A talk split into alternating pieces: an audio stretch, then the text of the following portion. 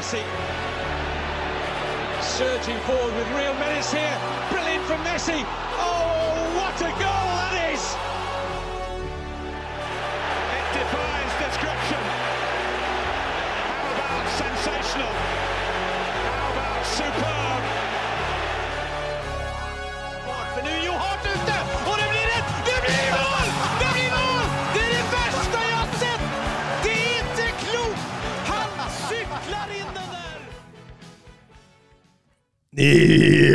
Jaha! Velkommen til episode nummer eh, 218 av den eh, megapålitelige podkasten 90 minutter. Eh, Med meg i studio har jeg som vanlig eh, Mats Granvold. Hallo. Og Søren Dupkey. Hallo.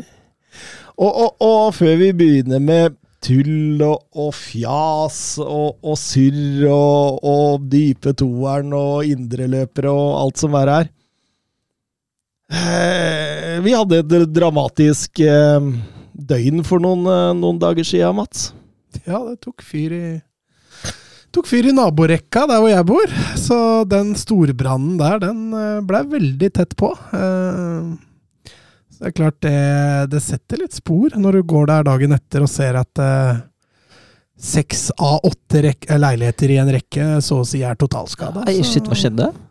Jeg begynte jo å brenne, da. Jeg har ikke fått noe har ikke fått noe hva som skjedde, men det brant fra halv ett om natta til klokka ni på morgenen. Så de sleit veldig med å få, med å få slokka det. Eh, og man så ja, jo for så vidt Selv om det selvfølgelig er en tragisk hendelse, så er det fascinerende å se hvordan brannvesenet jobber. Hvordan de gikk inn veldig tidlig med å prøve å slukke brannen, og så innser de kjapt at har ikke kjangs. Så da begynner de heller med forebyggende. Fordi det, var jo det er jo rekker tett i tett i tett her på Slottum terrasse, og, og vinden kan jo ødelegge for hva som helst. Og, og da se hvordan de bare snudde fokuset rimelig kjapt til at ok, dette må ikke spre seg. Og så slokker en brann derfra. Altså det, det var fascinerende å se, men eh, fryktelig tragisk. Og du kjenner jo, du kjenner jo naboene dine, og du, du ser reaksjonene deres. Og, eh, det er fryktelig trist. Eh, og, Ja, for, for denne branntomta den ligger jo nøyaktig 15 meter unna her vi spiller inn, faktisk. Ja, ja det, var, det var fryktelig nært. Mm. og lukter jo fortsatt brent utafor her, så det kommer til å sitte, sitte i det her. Ja, eh, jeg legger meg rundt halv ett. Mm. Fruen har vært på, ute på noe greier med ekskona di, faktisk. Ja. Eh, og, og kommer hjem eh, Og så Og så eh, våkner jeg av at det banker noe så voldsomt, og skriker. Det er sånn skikkelig Mm. jeg, jeg, jeg, jeg skjønner ikke hva det er. Skjønner ikke hva det er, Og så lokker jeg av rullegardina, og så ser jeg rett inn i flammehav. Jeg eh, tar på meg raskt noe det, det, det nærmeste jeg finner, og beiner ut, for jeg tenker jo at her trenger man hjelp. Eh, når jeg kommer over haugen der, så ser jeg brannvesenet oppe i lia, så da tenker jeg ja, ok, da er de i hvert fall varsla. Men når jeg ser brannen, så tror jeg det er her. Ja. Så jeg blir kjemperedd for deg. Så jeg, så jeg beiner jo alt jeg kan da, ut, og så ser jeg etter hvert at det er, eh, at det er eh, naborekka der. Og jeg tror ikke jeg var i seng før halv fire der. Det, det, det var veldig Den der timen i ettertid, når du skjønner at politiet ikke har helt kontroll på evakuerte, er det noen som har brent inne der? Eh, det med at det fortsatt var spredningsfare, hvor kunne dette eh, ta det videre igjen? Det, det, det var skikkelig, skikkelig dramatisk, og det er liksom noe som føles på kroppen den dag i dag. Ja, så kommer jo veldig tett på, vet du. Det er det som eh, det er det som er så skremmende. Altså, du går og legger deg igjen da samme kveld, det brenner fortsatt. Eh, Ja, for du gikk, du gikk og la deg og sov mens brannvesenet sto 15 meter unna ja, huset altså, ditt. jeg, og... jeg skulle jo egentlig på jobb da, dagen Ja. etter, og var jo våken så lenge det var spredningsfare. Vi blei jo evakuert, naborekkene blei jo evakuert sånn gjør dere klare, liksom. Mm. Eh, og så fort den eh, evakueringa på naborekkene ble borte, så gikk jeg jo inn igjen, og da Altså, du sovner jo ikke. du sovner jo ikke. Men eh, jeg tror jeg sovna sånn i 4.50, ja, og da, da var det fortsatt blålys og brann utafor. Mm. For når jeg dro på jobb da klokka åtte dagen etter, så, så brant det fortsatt. Mm. Mm. Eh, så Nei, det var eh, Når det først skulle skje en sånn passulykke, da, så blei det, det ble så voldsomt. Det blei voldsomt, det var skikkelig dramatisk, og heldigvis gikk det ikke liv. Nei, vi fikk Eller vi. Det blei evakuert i tide. Eh, Men etter hva jeg har skjønt i ettertid, så var det virkelig på hengende håret for, eh, for et par av dem. Altså. Ja. ja. Så det, det takker vi eh, høyere makter for. Det, mm, nei, det, det var dramatisk. Det setter eh, litt sånn spor. og og jeg også dro på jobb dagen etterpå, så brannvesenet fortsatt sto og, og, og, og, kjørte på med, med litervis med vann. Og, eh, jeg klarte ikke å være så lenge på jobben. Jeg var så ferdig, så trøtt. Så jeg bare henta PC-en, og så dro jeg hjem, og så sovna jeg litt igjen og, og jobba utover ettermiddagen isteden. Eh, jeg var helt, helt ferdig. og når jeg kom hjem igjen da etter å ha henta PC-en, så møtte jeg jo deg. Så vi gikk jo bak og så der, og det var jo Altså, det er jo ikke noe som kan reddes der. Nei, eh, det, der må alt rives og bygges på nytt. Nei, helt, eh, helt forferdelig, så, um, så, så Jeg veit ikke. Det, det var i hvert fall ikke podkast-studio, men det var jaggu ikke langt unna. Nei, det går an å kødde om det snart, så kan vi tulle om det, men jeg er fortsatt litt tett på. Det er sant. Det er sant. Um, Søren Døfker, du har ikke opplevd noe brann? Nei, heldigvis ikke. Uka mi har vært veldig udramatisk. Eh, Nei, jeg var på, Alt har gått etter Døpker-planen? ja, jeg var på landskamp og koste meg litt. Jo, eller, Koste deg, ja? Du Koste deg, ja? Spania-supporter, det ja. var, ja, var, var jo hyggelig å se, se Gavi og flere i aksjon, da, for all del. Men uh, utover det var det ikke så mye å kose seg med. Nei. Nei.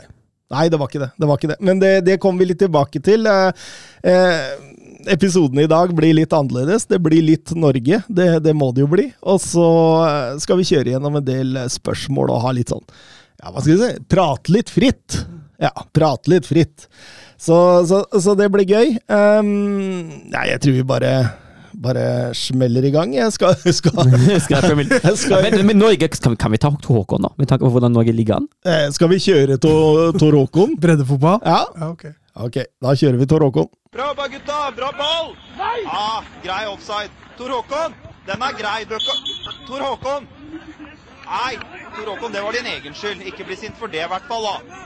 Tor Håkon, ikke kjeft på dommeren. Og ikke kjeft på dommeren. Tor Håkon, nå hører du på dommeren. Det er hver gang, altså. Hver gang. Hver er der. Ja, for det, det, det, det var litt Tor Håkon, dette her. Eh, Kanskje ikke Kypros. eh, Mye bra i, i Kypros-kampen, tross alt, Mats. Ja da, og altså motstander tatt i betraktning, så, så leverer vi en, en eh, god landskamp. Eh, flere spillere som jeg syns melder seg litt på igjen. Sander Berge, som jeg syns har vært fraværende. Han, han leverer kanskje en av de beste landskampene jeg har sett av han. Eh, Haaland, som ikke har skåret i City på føles ut som et halvt år, han skårer to kasser, og Nusa kommer inn og fortsetter akkurat der han slapp eh, fra forrige landskamp. og jeg syns Ayer er forholdsvis positiv, selv om han ikke blir satt på de helt store prøvene. Så eh, Kypros-kampen borte er, en, er, en solid, eh, er et solid resultat og en, og en god prestasjon. Altså, ja, Kypros skal være mye dårligere enn oss, men, men det er egentlig ingen Altså, det er ikke noe Liechtenstein eller San Marino Kypros, så vi skal ha med det også inn i beregningene.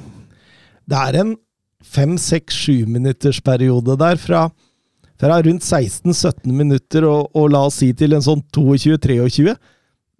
Da er vi gode, ass! Da er vi skikkelig gode. Vi fant fem minutter. Ja, men, vi er skikkelig gode. men, men, men da er vi ekstremt gode offensivt, og vi er gode mot etablert, og vi er gode i gjensvinning, og vi er gode til å vende opp, og vende dem fram og tilbake, og bare produsere sjanse på sjanse på sjanse. Det er, det, det- det er der det må ligge, og det må ligge at, at man klarer å holde de periodene lenger, da, fordi Altså, ja, ok, vi går til pause med, med, med 1-0 uh, Sørloth som målskårer der, men det, det er jo først når Nosa og Bob kommer inn vi igjen begynner å produsere sånn skikkelig med sjanser. Ja, det er først og fremst Nusa, da, spør du meg. Han, altså, han har den X-faktoren. Altså, altså, et forsvar i balanse havner i ubalanse fordi han går av en mann eller to. Eh, når vi ikke makter å spille oss gjennom, så, så har vi plutselig en type på banen som kan, kan skape noe litt på egen hånd. Da. og Det, det, det også er noe vi mangla tidligere i matchen. Uh, og så er det jo Altså, uansett hvor du er fra, tror jeg. Så, så det å få se en ung, talentfull spiller representere landet sitt, det, det gir litt ekstra Ikke motivasjon, hva heter det for noe? Litt ekstra entusiasme, var det jeg var på jobb Ja. Eh, så Nei, altså, det var en positiv start på det som man da trodde skulle bli mye bedre, mot det det egentlig blei til slutt. Ja, fordi man kommer jo inn eh, Ja, det var i går. Skal spille kamp mot eh, Spania. En must win-kamp for å i hele tatt ha et lite håp om, om direkte kvalifikasjon til EM. Laget ja, nå, nå, nå nevnte jo Mats nettopp at Ayer var god mot Kypros. Mm. Og så kommer jo uh, Stefan Strandbekk tilbake. Nok en gang. Og det er, det er, det er helt ubegripelig for meg at denne spilleren er f- åpenbart førstevalg på stoppaplassen i det norske landslaget, som ønsker å være topp 20-25 i Europa. Nå forsvarte jo du Strandberg før vi gikk på her, Mats. eh, Men, men det er jo litt rart valg. Ja, Men jeg, jeg forsvarer ikke valget. Nei. Jeg forsvarer prestasjonen. Mm. Eh, forutsetningene til Strandberg kontra mange andre på det laget der, så syns jeg ikke han gjør seg bort på noen måte. Eh, kunne endt opp med et litt klønete selvmål, men det er jo ikke bare hans skyld, det heller. Så jeg syns jo Strandberg sånn prestasjonsmessig, forhold til forventningene og forutsetningene han hadde, kommer ok fra det. Jeg syns han har hatt mye verre landskamper tidligere enn det han har der. Eh, med tanke på motstander og alt sammen. Eh, men jeg også beit meg litt merke i den startelveren. Altså, du ser med en gang når du ser elveren, når han dytter inn Patrick Berg, men beholder Sander Berge. Mm. Han skyver Aursnes ut på kant, og så får han inn Strandberg i midtforsvaret. Altså, du, du skjønner med en gang at ja, her skal vi, her skal vi ligge og kontre. Ja, og det, det er en kamp vi må vinne, som Thomas er inne på. Vi må vinne denne kampen der for å ha håp til å i det hele tatt kvalle til EM gjennom gruppespill. Det er en must win for oss, eh, og da skal vi ha den defensive inngangen. Men Adrian Tømmernes spør eh, Solbakken for mye kritikk for in game management, men her syns jeg også han bommer på inngang til match. Hva tenker dere? Fordi han, han kjører jo en slags eh, Altså, vi, vi snakka litt også om det før vi gikk på, men altså det, det er jo 4-3-3 offensivt, men det blir jo en, en veldig klar 4-4-2 som mm. ender opp en 4-5-1 når vi, vi, vi, vi blir pressa bakover. Ja, jeg syns ikke det funker i det hele tatt. Uh, presset sitter ikke. Spanjolene spiller det lett av. Uh, vi har ingenting på Rodri. Rodri får, altså Rodri, Det som du må gjøre med Rodri, da, det som mange prøver i Premier League, det, det vi ser jo gang på gang, er å prøve å stenge tilførselsveiene til Rodri. For ikke la ham bli involvert i spillet. Og det, det, det gjør vi ikke noe forsøk på engang.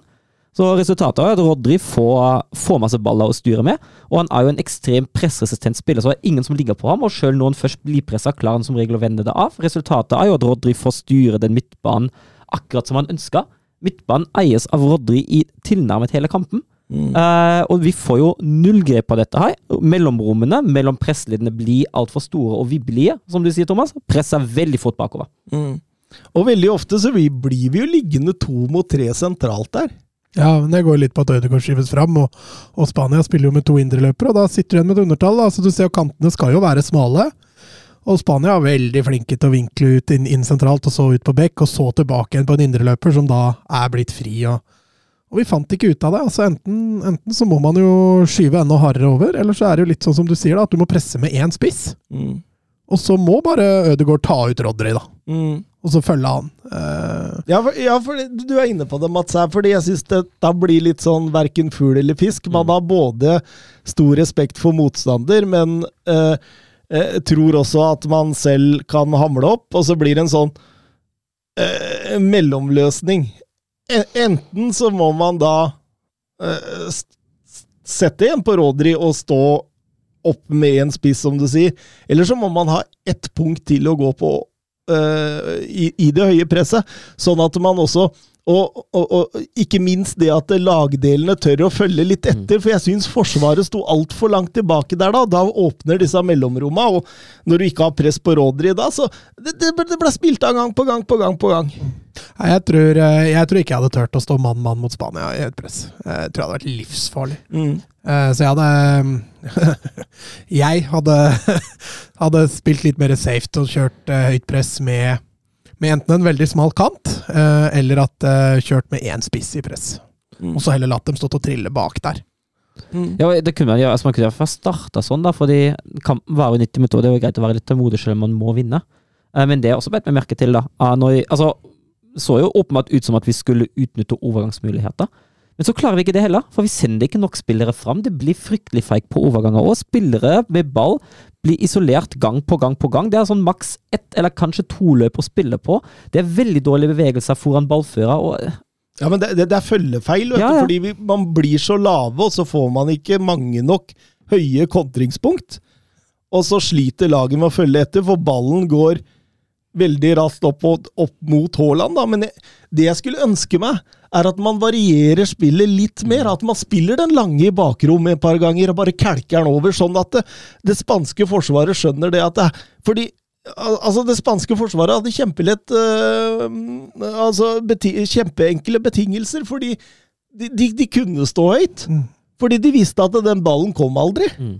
Og det, det med å variere dette her, så blir Laporte og, og Le Normand Norman De blir mer usikre på åssen skal man i for, for, forholde seg i forhold til øh, Haaland. Så jeg, jeg, jeg syns man bommer på mange aspekt her, altså.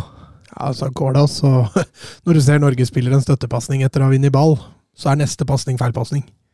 Så eh, det var åpenbart at mentaliteten var at når vi vinner ball, så skal vi ha initiativ framover så fort som mulig.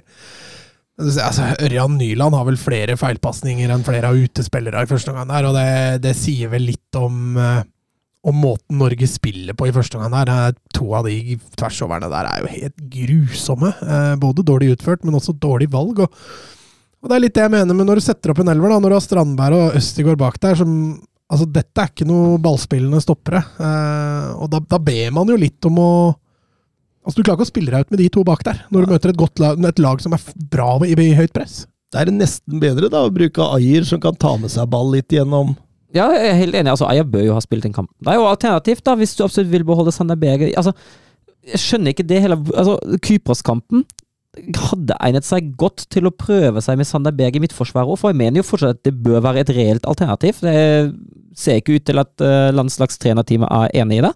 Men jeg mener jo at eh, Sander Berger kan være et reelt forsvar i midtforsvaret, særlig når du ønsker å ha den frispillende stilen. For han er jo en spiller som kan være litt balltrykk, som kan bare litt, som kan spille seg litt fri, da.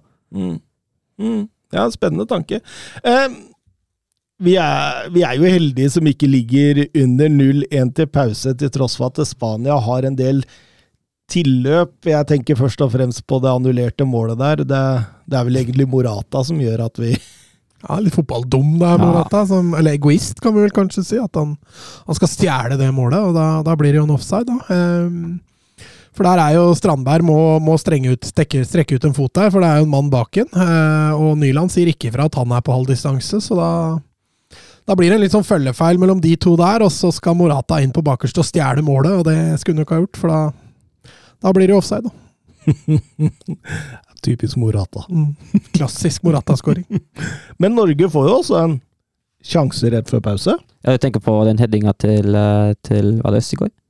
Eller Nei, jeg tenker på jeg tenker på For den som blir blokkert? eh, Haaland som blir blokkert. Ja, ja, ja. ja.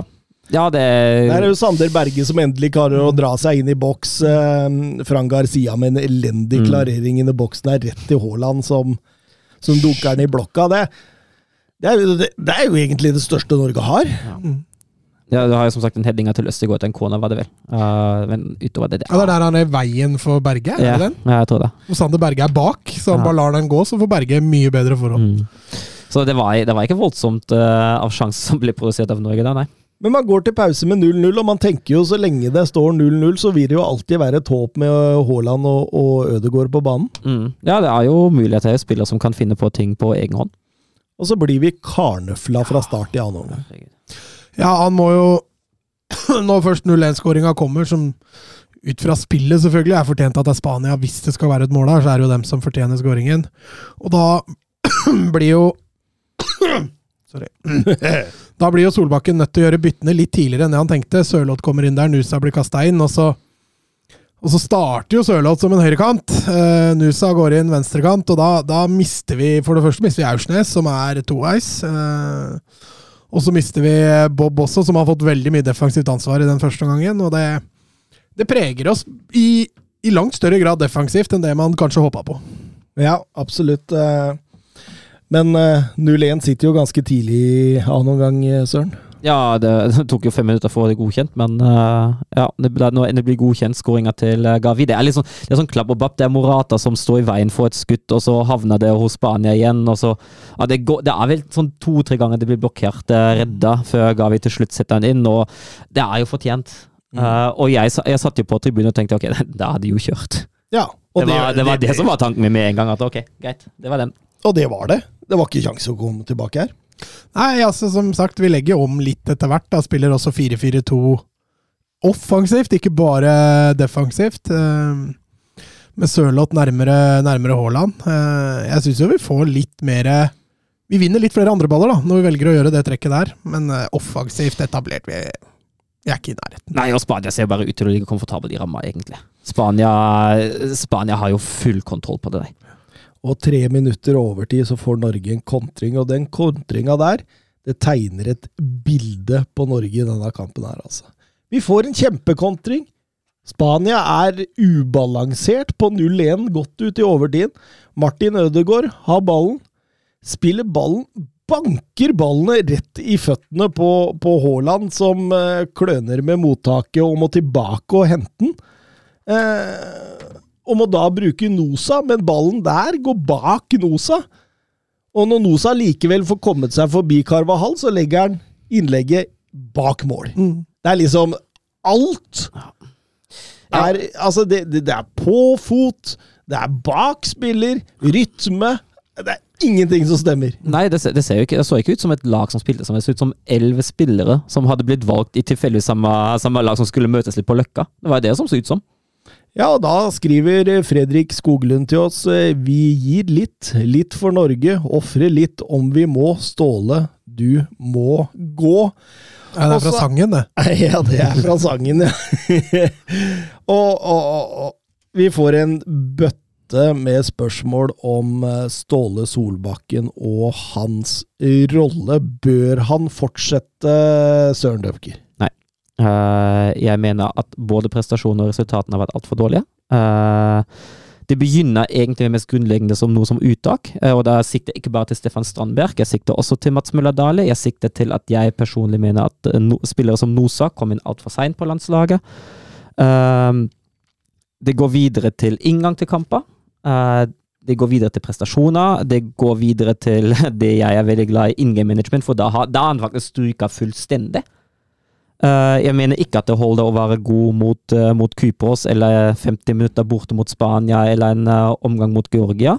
Han har rota til eh, kampene mot Skottland. Han har rota til eh, borte, eller kampen, hjemmekampen mot Skottland. Rota til bortekamp mot Georgia. Han har Men, men, men, men, det, men det er jo ikke Solbakken som spiller ballen rett til en skotsk spiller på 1-0 fire minutter før slutt. Det er ikke Nei, Solbakken som står og header ballen eh, omtrent igjennom for, eh, for Georgia der på 1-0. Altså, Nei, men det det, det det handler om, da Altså, den kampen mot Skottland eh, Når han tar, tar ut Haaland, når han tar ut alt og bare prøver å sikre inn, det går jo så, det går jo så til de grader feil. Og så prøver han noe lignende mot Georgia hjemme òg. Der går det så vidt bra, fordi Nuland har en eh, redning mot Kvaratskhelia helt på overtid der. Eh, men da gjør han den samme feilen nok en gang. Eh, Jeg tar riktignok ikke ut Haaland hvis jeg ikke husker feil, men han, han gjør noen rare bytter da òg. Mot Georgia klarer han jo ikke å reagere når Georgia legger om til hva det var det 4-4-2, tror jeg. Da klarer han ikke å reagere. Mot Spania klarer han ikke å reagere når Spania legger om til 4-3-3. Når motstander legger om, så sitter han fast i mølla si. Så gjør han ingenting. Og hvis han først gjør noe, på egen hånd så blir det dårligere òg. Jeg syns jo det var også betegnende i går at i den kamp, det kampbildet vi så i går, da, når Spania ligger såpass komfortabel Altså at Spania driver og butter hele tida, hele tida tidligere enn de vi gjør. At det ikke prøves å gjøre endringer nok fra benken engang. Altså, jeg fatter det ikke. Men eh, spillergruppa står bak han. Martin Ødegaard fortalte i postmatch-intervjuet at eh, hele laget kjenner en stadig utvikling, og, og de støtter han 100 eh, Mats, hva tenker du? Nei, altså Så lenge han har spillergruppa i ryggen, så, så ser jeg ikke norske fotballforbundet fyke han. Eh, Det har vi jo sett med tidligere, tidligere trenere, at det har tatt lang tid før man har reagert der. Eh, Jeg er veldig blanda, fordi jeg er helt enig i at den kvaliken her, den, den har vært den har vært til stryk. Det har nesten vært på grensa til en skandale. Eh, når det er sagt, så vil jeg gjerne vite hvem som er aktuelt å ta over for han. For jeg, eh, jeg ser ikke så mange gode alternativer. Eh, og han er åpenbart en god dialog med spillergruppa. Eh, de har respekt for han. Eh, han har garderoben. Eh, så er jeg selvfølgelig enig med Søren at laguttak og noen ganger troppsuttak og det han gjør i kamp og sånn, der må han få kritikk, for det har ikke vært bra nok. Men eh, jeg syns det er hakket for tidlig å fyke han nå. Jeg syns han skal få én sjanse til. Mm. Hva tenker du, Søren? Nei, jeg tenker jo altså, jeg tenker jo, Det er jo ikke den første kvaliken han gjør dårlig på. Eh, han har jo litt mildere omstendigheter. Men, men, men, men, hvem, kan, hvem kan ta over? Nei, vi må finne noen i utlandet. Jeg ser, jeg ser ikke noe Solskjær eller Rekdal der, altså. Uh, her tenker jeg her må man se seg litt om uh, og sondere trenermarkedet godt nok. Uh, og finne noe som kanskje ikke har en norsk eller skandinavisk pass. Ja, for André Solberg han spør kan eh, Norge være interessant for en internasjonal klassemanager. Nei, klassemanager tror jeg ikke. Uh, men man kan godt finne noen som kanskje ser dette her som et spennende prosjekt. Uh, det mener jeg absolutt bør være mulig. Uh, det, er jo, det er jo tross alt spennende spillere i troppen, og man hopper ikke akkurat etter Wirkola. og jeg mener jo også at den troppen som vi har sett nå altså Hvis vi ser på spiller for spiller, da. Den troppen er ikke så dårlig som har framstått, da.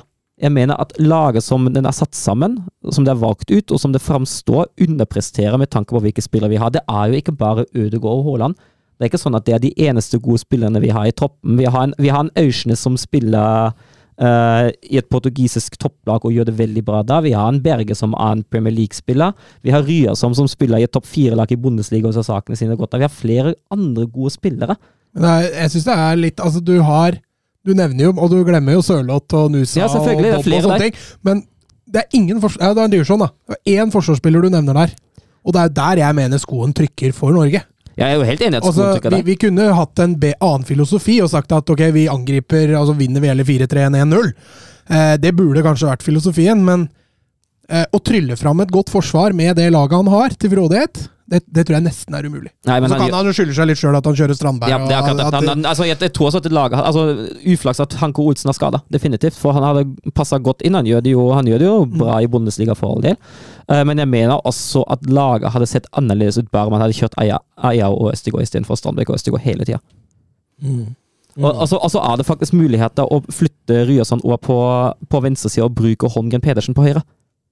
Ja, jeg er enig i Birger Meling at det er litt kjip uh, landslagssamling. Ja. Uh, men uh, altså jeg synes jo, altså offensivt så har han ingenting å skylde på. For der er alle forutsetninger for å spille både underholdende og, og offensiv fotball. Men, men defensivt så, så, har han fått de korta han har fått. Mm. Og jeg, jeg, ser liksom ikke at det er så mange der som kunne gått inn og gjort en veldig mye bedre jobb. Og, og, og det gjør du jo ofte som landslagstrener, ikke sant? At man det, det, er ikke så ofte man får en ny stjerne over natta, sånn en klubbtrener kan gjøre. Og, og, og, og de korta man har, de må man spille best mulig. Og ja, nei, han har ikke spilt de korta best mulig slik jeg ser det. Altså, da, da ville ikke Strandberg engang vært i troppen. Uh, er ikke god nok, rett og slett. Er, altså, før denne samlinga, da, så var Ayer banens beste i en Premier League-match. Mm. Og, og, Stefan Strandberg eh, kjemper om å unngå nedrykk i Eliteserien. Og likevel altså får de to ca. like mye spilletid over disse to kampene her. Og han bruker Premier League-spilleren mot Kypros. Nei, jeg, jeg, skjønner ikke. altså, Særlig med tanke på Ayer, da, som er mer ballsikker. Han er flinkere til å ta med seg ballen av press. Uh, sånne ting som vi hadde behøvd da, i, i går. Så jeg, jeg, skjønner ikke helt den der, der i det hele tatt. Ja, men Tanken var jo at Norge skulle ligge lavt. Ja, og Strandberg skal krige i duellene. Og, og, og så, så, Han forsvarer det jo på den måten, og det, og det kan man jo til en viss grad forstå. Men er Ayer en dårligere duellspiller enn Strandberg? Nei, aldri i livet. Som, som, en kriger så vil jeg påstå det. Hva mener du med kriger? Altså Duellere i feltet. Gå, i, gå i blokka. Kaste seg inn med huet først. Sånne men, ting. Men, men, Ayer er en vel så god duellspiller? Ja, sånn rent i hodeduell, så er jeg helt enig. Og, og rett og slett i én mot én def. Ja, men det er jo ikke duell, da er det jo én mot én. Ja, ja. Det er er for så vidt enig for Strandberg mangler jo tempo. Ayer har jo i hvert fall litt fart. Mm. Uh, men tanken til Solbakken var jo åpenbart at man skulle ligge lavt med korte avstander. At Strandberg ikke skulle bli eh, tatt så ofte på tempo rundt sine egne bein, men at han heller skulle få krige inn i feltet. En uh, Norges svar på Harry Maguire. Det er den styggeste sammenligningen. Men ja, ja vi, kan godt kjøre, vi kan godt kjøre den på, kjøre den på han. Harry Maguire ti av ti ganger foran Stefan Strandberg. Harry Stefan Strandberg. Um, Torjus Hansen. uh, nok en skandalekvalik, skriver han. Virker som Norge kunne hatt Messi, Ronaldo, Kane og prime Maldini uten å komme seg til et mesterskap. Hvor trykker skoen? Prime Maldini. Der trykker skoen. Hadde vi hatt Prime Maldini, da hadde vi vært der. Hadde gjort mye, for det, det er jo det defensive. Det er jo der skoen trykker. Ja, jeg vil jo også si at De trenerne vi har ansatt i det siste, har ikke vært heldige med heller. Altså, vi har, altså, Solbakken har ikke vært god nok, om man, når man mener at han må gå eller lei. Jeg syns ikke han har levert god nok uansett. Eh, så kan vi da være uenige om han skal få en sjanse til eller ikke. Uh, jeg mener også at uh, Lagerbäck, Høgmo altså, Alle har jo skuffa. Jeg husker veldig godt da Lagerbäck plutselig kjørte Henriksen på topp i Ungarn, da vi desperat trengte mål og seier. Ja, Ødegaard var vel med der òg, sammen med Henriksen? Eh, Jeg tror det. Det var, det var sånn to midtbanespillere på topp, i hvert fall. Jeg husker bare Men var ikke det Høgmo? Ja, det var Høgmo. Ja. Det stemmer, det var Høgmo. Ja. Så, det, er jo, det spiller jo inn når man, når man ikke treffer på treneransettelsen, og de viser seg å være skuffelser. Og det, det hjelper ikke det heller når man ikke har kanskje det aller beste spillermaterialet heller, for da, da er det ikke sånn at den individuelle kvaliteten fanger det nødvendigvis opp, som det hadde vært med andre land. Uh, Men, men, men hør, da. I Georgia så var, hadde vi en forsvarstabbe som kosta oss to poeng. Den er soleklar, liksom. Eh, tapet mot Skottland hjemme kommer jo av en forsvarstabbe. Eh, man har jo sett også i disse treningskampene at det rakner defensivt mot slutten av kampene. Eh, så, det, så det er jo åpenbart en hemsko for den, dette defensivet. Ja, og så har du også en keeper bak der som utstråler usikkerhet, og det, det hjelper ikke på de fire foran. Altså. Så stoppere og en keeper, kanskje en venstrebekk, det er vel der vi Mm. sårt trenger en frisk, nytt, eh, bra blod. Se hva, altså bare, en, bare en van Dijk inn ville jo hjelpa enormt, altså med den tryggheten han oser, liksom. Mm. Ja, ingen eh, tvil om det. mm. Det er en som er inne her, eh, Søren, på tysk mentalitet. Det er Eivind Stølen, det. Kan Søren forklare hvorfor det er så stor forskjell på den tyske og den norske mentaliteten med tanke på det å klare å prestere når det virkelig gjelder? Ja, nå er jo den nye historien ikke akkurat full med tyske landslag som presterer når det gjelder, da. Det gjelder jo både herre, dame og U21. Det har jo vært uh, mange turneringsskuffelser nå. Uh, men jeg mener jo, altså, jeg liker egentlig ikke å skylde på mentalitet, for jeg syns ofte det blir et veldig utvanna begrep. Hva legger du egentlig i det? Uh, men jeg er jo enig i at det er et poeng har jeg at um, du har litt den mentaliteten i Tyskland at når du er toppidrettsutøver, eh, så går du for det hele veien. Uh, men jeg veit ikke, det er Men, men, men, dette har jo selvfølgelig med vinnerkultur å ja, gjøre. det det, altså, Altså, når, når, når norske spillere drar på seg den norske landslagsdrakta, så er de stort sett vant til at det ender med fiasko til slutt. Ikke sant? Altså, det ligger iboende oss dem hver eneste gang. At det, det, det har ikke gått. Uansett om spissen heter eh, Frode Johnsen og er 41 år. Bjørn Mars Johnsen. Ja, Bjørn Mars Johnsen. Og, og om han heter Ole Gunnar Solskjær, eller om han heter eh, Erling Braut Haaland, så har man mislykkes. Man har mislykkes siden man var i EM i 2000. Det er 23 år sia. Og 23 år med fiasko! Uansett hvem som er på den matta der. Det, det, de, det gjør noe med et lag. ja, men det, de hjelper Det hjelper jo også at Tyskland har en god blokk av spillere fra tyske topplag. Det hjelper på det rasjonelle, det hjelper på mentaliteten som du er inne på. For de spillerne fra Bayern de går jo ut hver kamp og sier at nei, vi er Bayern-spillere, vi skal vinne uansett. ikke sant? Det er liksom det som er iboende. altså de, Den fiaskoen som du er inne på, de kjenner jo ikke Bayern-spillere engang. Altså For dem er det jo fiasko å ikke vinne sitt ellevte seriegull på rad. Det er fiasko for dem. Mm. Vi er på, vi er på det nivået der. Ja, ja. England sliter med litt av det samme. Eh, nå har det blitt bedre i nyere tid, da, men fortsatt så tar de jo ikke det siste steget. Så, så, så for en engelsk landslagsspiller som tar på seg landslagsdrakta, så veit man at man ryker i straffesparkkonkurranse når mesterskapet kommer. Det er liksom, det ligger litt mentalt, det ligger litt i vinnerkultur, i, i, i hva man Og det, det der, der, du skal ikke undervurdere det, altså. Nei, nei, på ingen måte, men du har også en kvalitetsforskjell her da, som, som bør nevnes. Eh, det er eh, De har litt flere spillere å ta av, som holder et eh, høyere nivå. Eh, så kvaliteten i, eh, i det tyske landslaget og det norske kan vel nesten ikke sammenlignes heller. Ja, vi, vi, men nivåene på fiaskoene er så forskjellige, da. Tyskland kommer til turneringer og ryker ut der. Norge Ja. sliter med å komme til turneringer. Ja, ja. Og en trener får sparken fordi han taper en treningskamp, til og med. ikke sant? Ja, men den, eh, den var, Jo, det, var det, vel som ut, det var det som utløste det, i hvert fall. Eh, Ryker i en treningskamp, og da får han sparken. Og, og Solbakken kan Jeg tror han kan feile enda en gang. jeg. tror Ja, han han eh, fort vekk sitter eh, Ja, det er jo samme, NFF gjør de samme greiene med, som det tyske forbundet, bare fornyer kontrakter helt meningsløst langt fram i tid, uten at noen resultater ligger bak. Det skjedde jo med Solbakken, som nå har vel til 2026, hvis jeg ikke tar feil. Det skjedde med Løv to uker før VM. Det skjedde med, skjedde med dametreneren eh, Martina Foss Tecklenburg eh, to uker før VM. Og det fine med det tyske fotballforbundet, da, da, da Turneringa går til helvete. Og så går, altså, er det masse kritikk mot treneren, ikke sant? Eh, og så går fotballforbundet uten at Nei, nå har vi jo fornyet kontrakt, så vi har jo tillit til den. Det blir sånn, det blir sånn feil, da. Ja, uh, ingen tvil om det.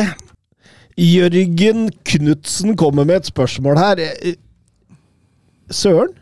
Vi, Ja. vi, vi, hvis Norge møter Tyskland i en viktig kvalifiseringskamp så, så legger jeg til at det skjer vel aldri i løpet av de nærmeste 25 åra, men hvem heier du da på? Altså, hvilken kampdrakt eh, tar du på deg? Norge. Jeg er på Norge. Uhu! Det er ikke dårlig, Søren. Jeg har jo Ja, men det, det, det, det har jo Det har jo litt med at uh, Det har jo litt med at eh, Jeg så på Mats og sa Søren, skjønner du. Ja. Nei, men ja, det har jo litt med at jeg, jeg, jeg er jo født i Tyskland, men det har jeg ikke valgt selv, men jeg har valgt sjøl å flytte hit. Uh, jeg føler jo større tilknytning til Norge enn jeg gjør til Tyskland, for all del. Eh, jeg har jo sett, vært så heldig å se Norge spille mot Tyskland en gang på Ullevål. Uh, den kampen var ganske enkel tysk seier 3-0. Uh, om Men jeg det husker Egil Drillo Olsen gjorde comeback i 2010 Det var debuten, ja. ja. eller noe sånt. Christian Grindheim som skåra i Tyskland, yes. Norge, det var som å var- se Norge-Spania, bare at da greide vi å kontre. Jeg tror, det var, jeg tror den gikk i Düsseldorf eller noe sånt, husker jeg ikke. Men uh... Nei, men jeg, jeg hadde jeg hadde heit på Norge i sånne situasjoner. Jeg gjør det. Det er samme som på, når jeg ser på, på hopprenn og skiskyting. Jeg har alltid f først og fremst på de norske. Det er gøy om tyskere vinner, for all del. Det er fint, det òg, men uh, først og fremst de norske jeg heier på. Men hvis da Norge spiller mot Tyskland i kvartfinalen i ja, Nations League Det blir ikke EM eller VM, i hvert fall, så det må bli noe annet. Men, og så scorer Tyskland 1-0. Jubler du da, eller?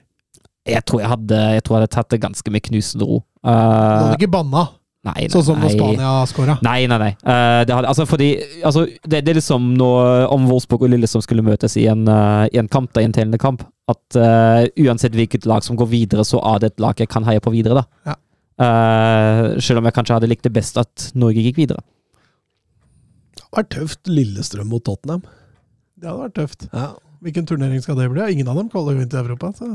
Det må bli Intertoto-cupen eller noe sånt. Da. Nå har jo Tottenham hatt noen år i Champions League der, da, men det har ikke Lillestrøm eh, kunnet leve opp til. Hatt en runde med kvalik, i hvert fall i, til Europa League. Jørn eh, Helland, Southgate og Henderson uttaler seg over at de ikke skjønner hvorfor England-fansen buer på Henderson. Kjør rant, skriver han! For det, det er jo nesten altså, Gjør de seg dumme, tenker jeg? Ja, ja. Det må, må jo være derfor. Det er vel snakk om å altså leve litt i denial, er det ikke noe som heter det? At du lever litt i fornektelsen der om at uh, du har tatt et svært kontroversielt uh, klubbvalg. Uh, og får rett og slett betalt i blodpenger. og kan ikke helt forstå at det er gærent. Nok om det. Fredrik Konradsen han vil peile oss litt bort fra landslagsfotball og litt inn i, i klubbfotball, og, og skriver eh, 'Legg hodene deres på blokka'. Topp fire i Premier League denne sesongen, det skal vi diskutere. Tror den ser ganske grei ut nå. Ja, City, City, Altså topp fire, ikke, Ja. ikke rekkefølgen nå, Nei, nei, men de ikke- som er topp ja. fire nå. City, Arsenal, Tottenham, Liverpool. Uh, jeg tror City vinner. Jeg er ganske, ganske 80-20. uh, og Allerede 80-20! Men rekkefølgen ba, med de tre bak, den tror jeg kan bli ganske, ganske så jevn også. Eh, for da, da kan alt skje. Men jeg tror det er de fire som kommer topp fire. Mm. Ja, det er vanskelig. Det er veldig vanskelig å tippe hvem som havner hvor, altså. Ja, det er, det, det er kjempevanskelig bak City, jeg er helt enig. Eh, men, men ser vi overhodet ikke noen utfordrere til disse fire? Det må vi gjøre. Jo da, altså Brighton eh, er ikke så gærne. Aston Villa, hvis de bare hadde hatt hjemmekamper, så hadde de jo vært helt der. Hadde de vunnet. Da hadde de jo forratt vært utfordrere. Eh, Men, men Chelsea og, og United virker jo å være litt fortapt uh, allerede. Og Det er, det, er, det er bare fem poeng fra Manchester United opp til Liverpool på fjerde. Jeg tenker liksom sånn i forhold til seriegull, så så virker Ja. det fortapt. Men ja, jeg er enig. Altså, det er bare en liten formdupp, men United skal også forbi en del lag. og For all del er kjempelenge igjen, så det er jo veldig tidlig å konkludere. Men uh, Chelsea er seks poeng bak Liverpool. Ja, og Chelsea, Chelsea har i hvert fall kommet seg litt, da. Men hvis man ser Tenk når en Konko kommer i gang for Åh, Chelsea der. ja. Kanskje de får kjøpt seg en nier i januarvinduet. Plutselig ja, så ser jo det helt annerledes ut. ja, og Pochettino får mer tid til å bygge enda mer på relasjoner, ikke sant? ja, det er jo ikke noe Europa der heller i gården, så det er jo mulig å bygge litt i midtuka der. Ja, det, det er vanskelig, men jeg, jeg mener jo at de fire som er der nå, ligger best. Altså de fire lagene som har sett best ut så langt. Ja. Jeg kan ta med Newcastle litt, og da at de kan jo surre seg inn der oppe, dem òg. Eh, Petter Halseth, eh, hvor bør de opprinnelige topp seks-lagene i Premier League forsterke seg i januar? Hva bør man forvente? Noen tips til spillere som bør være aktuelle? Vi kan begynne med Manchester City. Eh, vi tviler vel på at de kommer til å gjøre det helt store i januar? Defensivt så ser jeg ikke helt uh, grunnen til å Så lenge det ikke kommer noen langtidsskader, så ser jeg ikke noen grunn til å gjøre noe der. Uh, Rodry er jo uerstattelig, så Og en Philip ser jo ut som å være strålende fornøyd med å sitte på benken, så han har dem allerede en fornøyd backup, så uh, og, og, og Doku ser jo kjempespennende ut. Uh, Oscar Bob har fått mye tillit. Altså Hvis de skal gjøre en forsterkning, så tenker jeg det må bli på indreløperen. Altså Enten den plassen som han ofte spiller med ved siden av Rodri, eller den plassen som, som blir en slags tier da når De Brøne ikke, ikke spiller. Så Nei, Jeg ser ikke helt hvem de skal kunne hente der i januar som forsterker dem ellers. Så Men det, det, men det har jo vært en del skader på Kevin De Brøne det siste, og han blir jo ikke noe Han blir jo ikke noe, han blir jo ikke noe yngre. Eh, eh, Du klarte det ikke. Hva klarte jeg ikke? klarer det fortsatt, klarer det fortsatt ikke! Hva da? Nei, Du klarer jo ikke å håndtere Siri der borte. tror jeg. Nei, Hvorfor bytte Siri og bable nå. Det er jo et, godt poeng. Men poenget mitt var at han blir jo ikke noe yngre med åra. Han blir bare mer og mer skada. Bør man kanskje begynne å se på seg en som kan på en måte avlaste litt og komme litt inn der? Ja, de- definitivt. Jeg syns det er et godt poeng, men eh, jeg tror ikke du finner nødvendigvis den spilleren i januar-overgangsvinduet. Det Theo er mer av et prosjekt for en sommer. Ja, Pluss at Alvarez har jo, har jo vist lovende takter, da. eh, I en slags Kevin De Brønne-rolle. Litt mer fleksibel, riktignok, men eh, Men eh, jeg tror nok kanskje de ser litt i Alvarez når De Brønne begynner å gå på hell. For de får et luksusproblem når De Brønne er tilbake nå, altså. Arsenal, da. Havertz skulle jo erstatte Sjaka. Det har ikke gått. Er, er det mulig å, å finne en erstatter for Sjaka i januar? Eh, ja, da får du litt mer arbeidsom hest da, på midten. Det er litt lettere å, å spore opp enn en Verratti. Hvis han eh, blir klar, ville jo vært ganske ideell. Eh, er ikke venstrebeint, riktignok, men eh, kunne jo vært en mulighet der. Eh, ja, det er jo spiss, da. Men Du tenker spiss? Jesus er jo, er jo best når han ikke spiller spiss, egentlig. Når han får lov å vandre litt og ikke være den nieren. Ja, Og jeg, jeg, jeg blir ikke solgt på Enketia, Nei. nei, nei, nei. Jeg er helt enig. Jeg syns han nesten er litt overrata, faktisk. faktisk. Faktisk. Det er jeg helt enig i. Så, eh, så ja, kanskje Arsenal burde gått for en eh, angriper. Jeg tenker jo stort sett har det de skal ha. Ja, det er, det er jo et godt lag. Altså, det er et godt sammensatt lag og balansert lag for all del. Chelsea, der er det vel nieren som Ja, det blinker. er nieren. Det er, og, altså, jeg kan gjerne nevne navnet igjen, men Dusan Vlahovic. Ja. Den har vi vært ganske klar på lenge, at det vil være en spiller som passer Chelsea ganske bra. Og jeg, jeg mener jo her bør de, de bør kun konsentrere seg på denne nieren. Ja. Og henter vel et par stortalenter til et par hundre millioner tiårskontrakter. Og, Ja, på kant. Ja, kant. Ja. Sentral midt indreløper. Han eh, henter alt annet enn tier offensivt, i hvert fall. Nier, men Manchester United. eh, mye skader på Martinez og Varan. Kan vel kanskje tvinge dem ut på stoppemarkedet? Ja, og da, da bør de jo finne noe som for- forsterker sammenlignet med Maguire og Evans, da. Det, det, det, det bør ikke være så vanskelig å finne selv i et januarvindu. Men jeg, jeg tror ikke det bør gå for den type Jeg har sett dem vært linka både til Antonio Silva og Gonzalo Inazio. Men, men jeg, jeg føler jo liksom at det, det kan fort bli litt for ungt, litt for tidlig. Ja, altså med tanke på situasjonen, eh, situasjonen nå i United, da. Ja, eh, så Du trenger at en leder. du trenger en sjef. Det er akkurat det. Jeg tenker altså, du, treng, du trenger en sjef, du trenger noen som tar tak i det og holder det forsvaret sammen. Eh, så kan du heller finne deg et talent ved siden av sjef, men du må ha sjefen på plass først. Markinius, da. For eksempel. For Han blir ikke billig i januar, han, vet du. Men jeg har tenkt også Tomori, eh, Guehi, en av disse to. Eh, Kan, Men de trenger også høyrebekk og venstrebekk, da. de men trenger venstre- høyrebekk, de trenger venstrebekk, de trenger kanskje en def midt, de trenger Høyrekant. høyre kant. De, de, de trenger mye. Så, så, men, men de får ikke alt det der i januar. Eh, Liverpool, eh, i likhet med United, behøver de kanskje en stopper inn der. Kanskje en, en sekser. Det ser ikke ut som Endo får voldsomt med spilletid. Nei, og det Altså, det hadde jo hjulpet å få, få en dyptliggende, men den midtbanen der, altså. Ja, men jeg, jeg er ikke helt solgt på McAllister som sekser. Nei. Nei, det, det, han, er jo, han er jo med en indreløper, da. Uh, men jeg vet, altså seksere på, på januarjakt òg, altså klasseseksere, det, det kan bli en utfordring, det òg, altså. Kjempevanskelig. Kjempevanskelig. Eh, nei, det er vanskelig å si, men en stopper og en, en, en dyp sekser, så, så, så, så tror jeg nok Liverpool eh, bør være fornøyd i januar.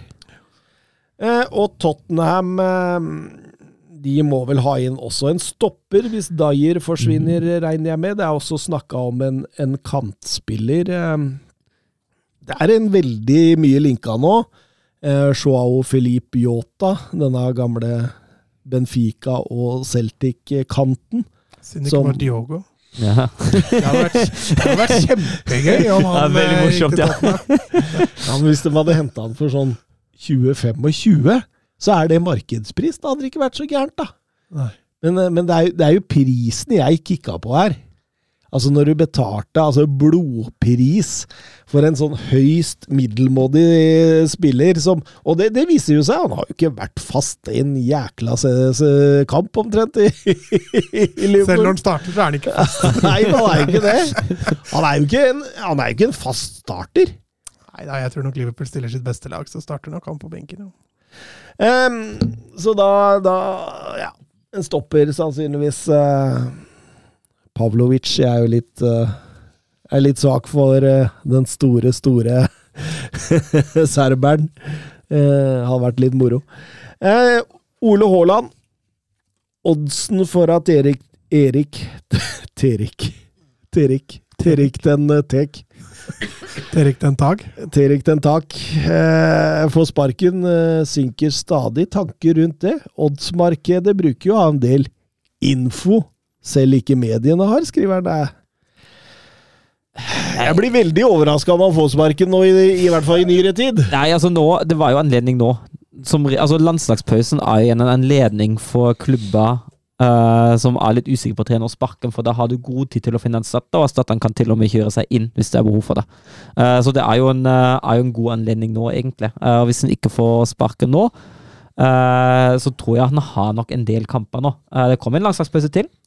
Han veit jo ikke, men uh, det har vært veldig rart å ikke sparke i landslagspausen og finne ut to uker seinere at nei, nå er det liksom nok, da. Men det er liksom Går han på fire strake tap nå, Da er han ferdig. da er det jo ikke så langt unna. Nei. Så han er veldig resultatavhengig, selvfølgelig, hvordan, hvordan dette går, og hvor fort det går. Og så må jeg si at jeg følger ikke så mye med på dette oddsmarkedet, men det, det, det er mulig at han sank litt etter nyhetene rundt uh, Ratcliffe og Ineos. At, eh, for for det, det, det, det er jo veldig ofte i en sånn type eierskiftesegment at man eh, fort ser på treneren fordi man skal stake ut sin egen vei. og så så er det jo det at de bare har 25, eller kommer bare til å få 25% i første hånd, og da, Da har de ikke så mye de skulle sagt Nei. inn på det styrerommet, så jeg, nei, jeg, jeg veit ikke, altså, men det er mye i klubben der som må kartlegges, ikke kun treneren. Alt fra det medisinske til det strukturelle til det der. Vi har vært gjennom det hundrevis av ganger, så Fasiliteter. Ja. Uh, Gustav Horndal spør uh, Sheikh Yasim trekker seg. Ratcliffe og Inios kjøper 25% Det betyr at klubben fortsatt eies av The Glazers. Hva vil det bety for Manchester United? Ja, først og fremst eh, same old, same old. Uh, eiere som supporterne aller helst vil ha ut, som uh, ønsker å få mest mulig profitt ut av klubben. Men uh, på den positive sida, eh, en avklaring. Og det, det er jo mye verdt. At man endelig har fått avklart eh, hva veien videre er. Eh, så kan det Er det forståelig at det får, for en god del av supportere er et viktig mål å få Glazers ut. Jeg har full forståelse for det, men eh, man kan i hvert fall jobbe videre nå med United, for den uroa der har jo forhåpentligvis lagt seg nå.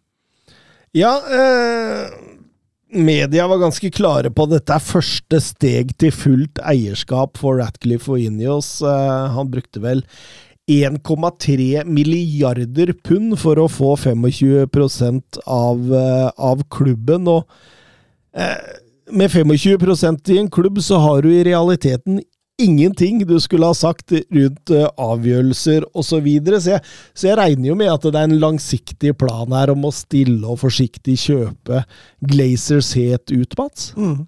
Ja, så fort han passer 51, så, så styrer han jo mye av butikken sjøl, men eh, det er, jeg tenker at det må være det eneste fornuftige bak det. Altså Bruke så mye penger og så bare sitte og smile og le og, og ta ut aksjeutbytte. Jeg tror ikke det er planen her, og det virker ikke som på uttalelsen han har hatt, at det, at det er det han ønsker. Så jeg tror nok det er en langsiktig plan her. Og så ja, United-supporterne får jo bare, er jo bare nødt til å smøre seg med tålmodighet, for de er jo stuck med Glazers, i hvert fall en stund til. Ratcliffe sier han vil bygge klubb, bygge treningsanlegg, oppgradere Old Trafford og, og jobbe rundt infrastruktur, samtidig gi backing til tropp. Det er jo musikk i, i ørene, det, vel? Ja, det er, jo, det er jo egentlig sånn en eier bør opptre. Eh, jeg tenker jo at det, det er litt sånn det grunnleggende vedlikeholdet og forsterkning til laget. Det er litt sånn det minimale man kan forvente av en eier, da. Eh, men ja, med tanke på hva United-sportene har måttet slite med de siste årene, så tenker jeg jo at det høres veldig veldig bra ut. Så forresten, Charlie Savage, eh, tidligere ungdomsspiller i Manchester United der, han gikk vel til Var det Reading i sommer? Han sa det at Reddings treningsanlegg og fasiliteter står ingenting tilbake for det Manchester United har, og det, altså der snakker vi jo klubb på tredje nivå. Det, det, det sier jo litt hvor mye dette er vanskjøtta, da. Ja, det er jo styrt helt i Altså spesielt fasilitetene er jo styrt rett på grunn, og, og eh, man, man føler liksom at eh, Glazers hele tiden flyr og slukker branner, da. Og bare fikser akkurat der og da det de må. De, jeg snakka om det før, altså de, de eier jo United fordi de skal ta ut penger. Altså De melker jo denne kua så godt de kan. og og til syvende og sist så går jo dette utover United som klubb. De fremstår verken som samla eller som eh, spesielt varme, så Nei, Jeg er enig med Søren. altså En, en direktør og en klubbeier skal jo, skal jo fremstå litt mer sånn som Ratcliffe i hvert fall utgir seg for å gjøre. da. Så er det jo utelukkende positivt at også Manchester United ikke havner under sportswashing. er det Ja, ikke det? det, det er veldig fint å høre. Og jeg så det var flere som var flere United-supportere på Twitter som var utrolig letta over det da nyheten kom i går. Eh, og det er fullt forståelig, for man slipper å ta stilling til, eh, til den der konflikten. Eh, hva gjør man når det er en såpass fiendtlig overtakelse? Mm. Men samtidig, da. Han Sheikh Yasim, han lova Mbappe, han lova Kamavinga, han lova Han lova mye.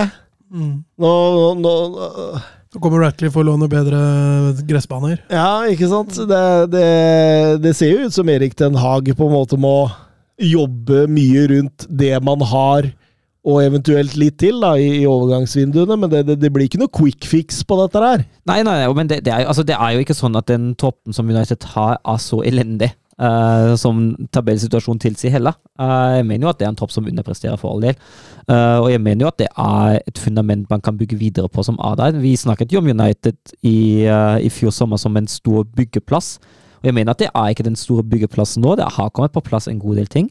Og samtidig syns jeg også at det er mye mer fornuftig å ha infrastrukturen og grunnmuren i klubben på plass. Mm. I hvert fall når, når troppen er til å leve med. da. Altså Ja, det må forbedringer til, jeg er jo helt enig i det, men når man kan investere litt i både tropp og samtidig bygge ut infrastruktur, så er jo det egentlig perfekt, istedenfor å bruke alle penger man, man kanskje har på, på stjernespillere, uten at man gjør noe med fundamentet i klubben. da.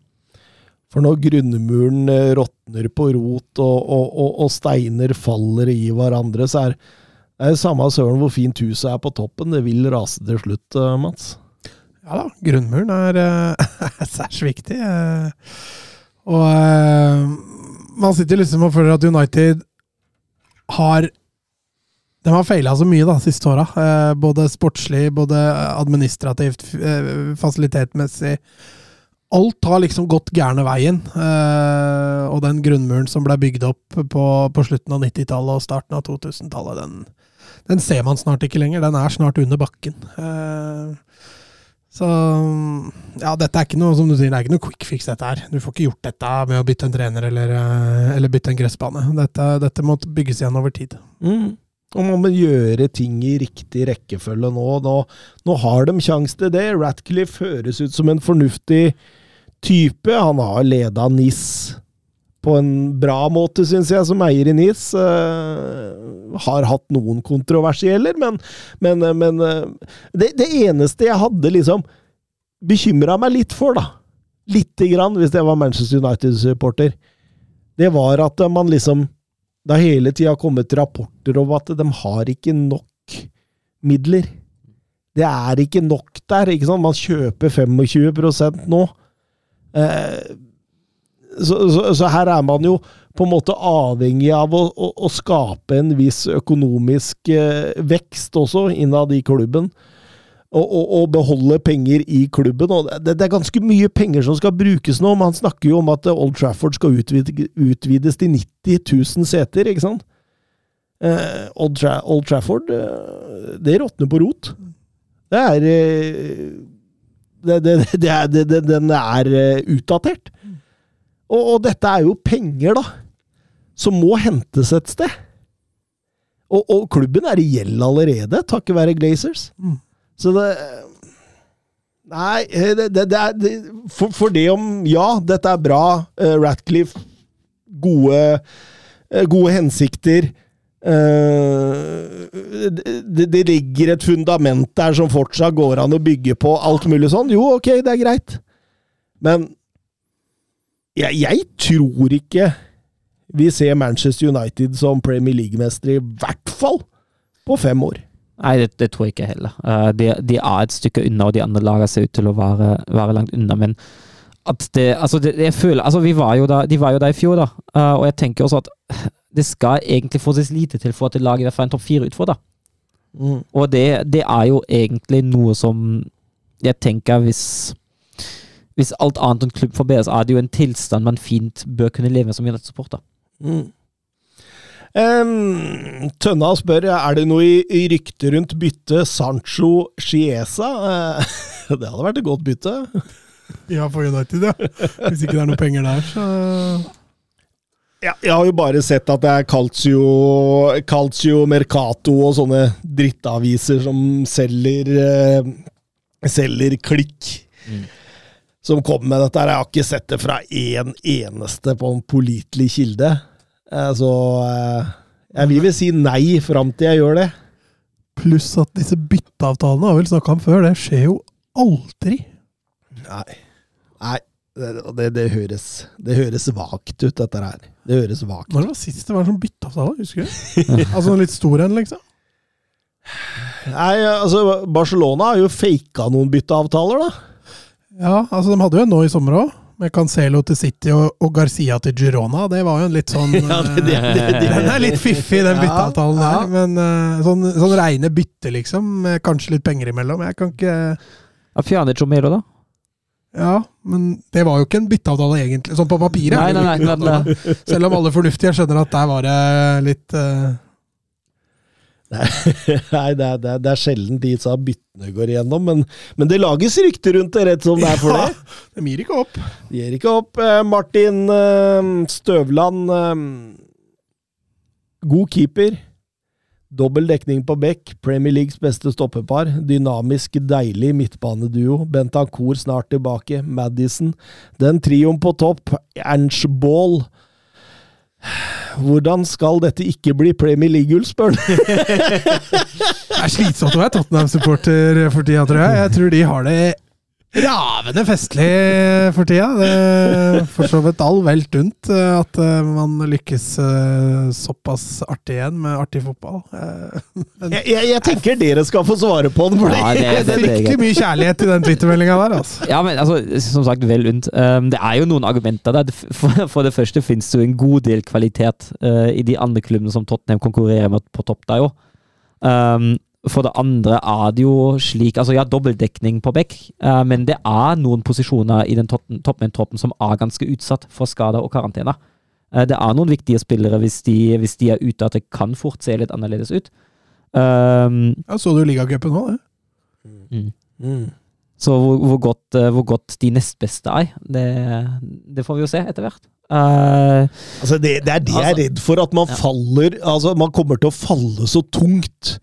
For det er litt å nyte det mens du kan, da. mm. Ja, ja, og det, det Også... må du. Liksom. Fotball er drømmer, fotball er håp. øh, Og, og man skal ha lov å drømme, og man skal ha lov å håpe. Og, og man skal ha lov å nyte når det går bra. Men øh, altså, altså jeg, jeg er ikke i nærheten av å tenke at det blir Premier League-gull. Jo, jo, jeg har jo spilt åtte kamper og ligger jo jævlig godt an! Det syns jeg du skal begynne å drømme om. Jeg venter fortsatt på at man vil få en liten Ja, down, for det, for det kan jo fort skje, det òg, at, man, at, man, at formen dabber litt av etter hvert. ikke sant? Ja, ja. At Skulle van de Ven bli skada nå, så er det jo ja, altså Madison òg er farlig. ja, altså, altså. Det er de tre jeg nevnte sist. Madison, Bizuma og van de Ven. Nå er Ja. Bizuma borte neste, så det blir jo spennende å se. Men uh, enig med Søren. altså Troppen er ikke i nærheten brei nok. Ikke i nærheten, nå tok jeg, men den er ikke brei nok. Et par skader og en suspensjon, så, så blir det fort tynnere med en gang. Mm. Mm. Eh, Klas Grønlin, eh, Viaplay-podcasten meldte at Tottenham var i toppen på lån 10, og at etter hvert ville motstanderne lære seg Postekoglu-fotballen, og den ville stagnere. Eh, de ga ingen begrunnelse, som eh, i og for seg er amatørmessig ved slike påstander, men ligger det noe i det de sier? Altså, jeg, jeg, jeg har jo ikke hørt dette, men hvis man kaster ut sånne påstander uten begrunnelse, så tror jeg heller ikke man skal legge så mye i det. Nei, altså tenk, altså det er jo altså Ja, det kan jo hende at man får litt tyngre etter hvert når mønstrene blir tydeligere og tydeligere for motstander, for all del. Uh, men så har jo Postekoglu også vist i Celtic at han klarer å holde det gående ganske greit. Uh, over en toårsperiode uten at den egentlig ser ut til å ha blitt deskifrert i, uh, i Skottland. Nå har jeg ikke sett så voldsomt mye Skottland, men resultatene tyder jo på at det har gått fryktelig greit der borte.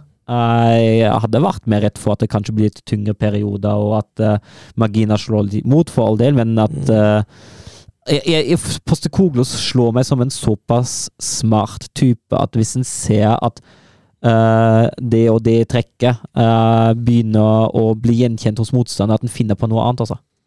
Altså, lære seg Postekoglu-fotballen, jeg, jeg, jeg henger meg litt opp med det. Altså, altså tror man ikke at eh, Erik Ten Hag og, og Jørgen Klopp visste omtrent hva som kom her? Altså, tror man at man Altså, undervurderer man analysearbeidet i Premier League-klubbene så mye at man tror at eh, Erik Ten Haag og, og Jørgen Klopp, som, som tross alt begge to tapte mot Ernst Postekoglu, at de sto igjen som sånne forblåste bakoversveiser og bare ja, det, det visste jeg ikke hva kom!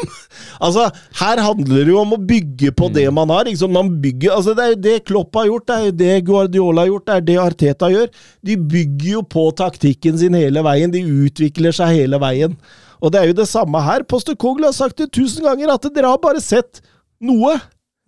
Eh, det er mye vi jobber med enda. Og Nei, jeg, jeg men, men det er- litt sånn ah, det, er, det er litt av dette her som gjør at jeg ikke orker å høre på journalistdrevne podcaster, fordi de er journalistutdanna, de har ikke noe faglig tyngde, og de sitter og synser og tuller som om de skulle ikke Altså, jeg, jeg hører heller på supporterdrevne podcaster, fordi eh, man får i hvert fall et ærlig og riktig bilde, da, og så får man en sånn eh, kunnskap over lagene som en journalist ikke er i nærheten av å ha. Og og, og, og, nei, det, det, blir for mye. Jeg, jeg veit ikke hvem som har vært i det podcast-studioet og sagt dette. Aner ikke. Men jeg kjenner jeg blir litt sliten, og det er også grunnen til at jeg ikke hører på Viaplay-podkasten, tenker jeg. Ja, for, altså, Særlig når det ikke er noe, noe, evidens til det. ikke sant da? Altså, Det er jo ingenting som tyder på noe sånt. Bare kasta det ut, liksom, ja. uten å Nei, nei. Spennende å høre hvorfor det stopper der, men det ikke stopper oss andre. Det er veldig spennende. Det er jo en form for totalfotball. Ja, altså, hvor man utvikler seg stadig. Altså, ser vi det også, ikke sant? Altså, når Guardiola har begynt å slite litt, har jo perioder der han slet litt med spillet sitt, så har han funnet et nytt trekk som har vært vanskelig igjen. Så har han fått ja. det gående igjen. Og jeg, Postekoglu slår meg som akkurat samme typen. Altså, jeg sier ikke at det ikke blir vanskelig for ham, for all del. Det kan hende at det blir. Uh, men eh, han finner jo løsninger på utfordringer. Ingen kamper er like uansett. Må, man må jo justere hele tida uansett, ut ifra kampbildet, ja, ja, ja. ut ifra motstander. og det er ikke sånn at han spiller det samme mot, uh, mot Liverpool som han gjør mot Brentford. Nei, nei, altså De beste managere i gamet de utvikler seg til stadighet. De legger på elementer, og de har mange verktøy i verktøyskuffen. Og hvis de ikke har en hammer, ok, da lager de en hammer, da. Men hva sto det der? At de på, i, lever i toppen på lånt tid? Altså, jeg Mener de da førsteplassen, eller at de ligger i toppen? I toppen. De ligger i toppen, så den, den vil åpenbart ha dem under i hvert fall topp seks, da, tenker jeg. Ja, det, det, er jo jeg heller ikke enig i. altså Tottenham, vi har jo vært inne på det, vi tipper topp fire. Tottenham slår meg som en soleklar og sterk topp fire utfordrer denne sesongen her, altså. Ja, det syns jeg var merkelig, merkelig, merkelig greie, men det, det, er, det, er, nok en gang det er sånn journalisttull, tenker jeg. Um, Bjørn Erik Skorge Kendry Pass, er det et av de største talentene i verden? Og det, det er vel kanskje vanskelig å ja, Du har ikke kontroll på alle talentene i verden? Nei, men jeg tenker det er litt sånn vanskelig å motsi etter det han gjorde nå i, i kvaliken. Han herjer med, med Bolivia som 16-åring der og uh, ser jo Altså, han tar jo alle rekorder borti Sør-Amerika der nå. Uh, på å være yngste med spilletid i serien, yngste til å score i serien, yngste til å score i, i VM-kvalik i, i Sør-Korea Nei, Sør-Korea, det er i hvert fall ikke, men Sør-Amerika. Han er jo kun 2007-modell.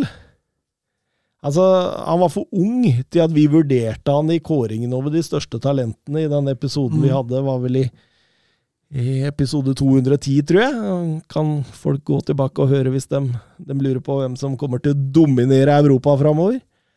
Eh, men ja, vi har snakket litt om han før. Et ellevilt talent. Det er en sånn pakke. Eh, Går til Chelsea i 2025? Ja, det er vel først da. Da blir han 18, så da er det greit teknikk, balanse, tyngdeoverføringer det er, det, er, det, er, det er, ville tilstander når, når, når, man ser på. Jeg så faktisk litt av den Bolivia-kampen der. og Ekstrem moro å se på. Han er voksen og effektiv òg! Effektiv, veldig ofte, da, de spillerne der. Som på en måte er litt sånn lekne sånn, Tar en overstegsinte for mye. Ja, det blir litt for lite effektivt noen ganger, og så må de lære seg å bli effektive. Ja, type Venitius junior. Mm. Men han der her ser Nei, det ser bra ut, altså. Det gjør det. Eh, Vebjørn Fredheim, snakk gjerne litt eh, Newcastle og Brighton, og de to forskjellige veiene man kan ta for å nå toppen. Eh, hvilken måte er den best holdbare? ja, altså Newcastle har uendelig mye penger, men de er jo helt avhengig av, uh, av eierne sine for å holde det gående. Uh, Brighton på sin side er nok, eh, det er nok mer holdbart, det de driver med, med tanke på trygghet i veien videre. Da, fordi de, over, de overvurderer ikke eh, spillekjøpa sine foreløpig. Og eh, men, men, samtidig vil jeg si at Newcastle har et høyere potensielt toppnivå. da. Mm. med tanke på den økonomiske tyngden som, som ligger der. Det er, det er, potensielt grenseløst hvor høyt opp de kan nå. Med Brighton, uh, størrelsen på klubben størrelsen på økonomien setter dessverre en grense.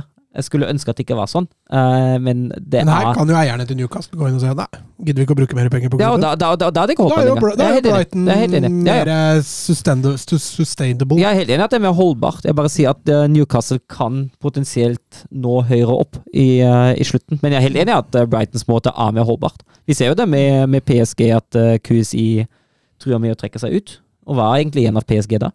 Mm. Ja, det er, det, er, er ytterpunktene i hvordan man skal på en måte ta seg frem som et storlag, da, eller gå fra nedrykksstrid til, til topp. ja, men veien er selvfølgelig mye lengre for Brighton. Eh, for de ikke kan tilby skyhøye lønninger. De, de kan ikke hente ferdigutvikla spillere til mange, mange millioner, for det, det har de ikke råd til. Og, mens Newcastle har jo en lommebok som Altså, du ser jo ikke bunnen av den. Ja. Så det er klart det er eh, Det er to forskjellige måter å, å drive klubb på, og så veit jeg hva jeg har mest respekt for, i hvert fall. Det, det er jo Newcastle, regner jeg. Ja, ja, ja. Jeg elsker, blod, jeg elsker blodpenger og sportswashing i fotball. Det er det beste jeg veit. Ja, nei, Brighton kan ikke hylles nok. Mange var nok overraska når Chris Huton ble sparka der i 2019.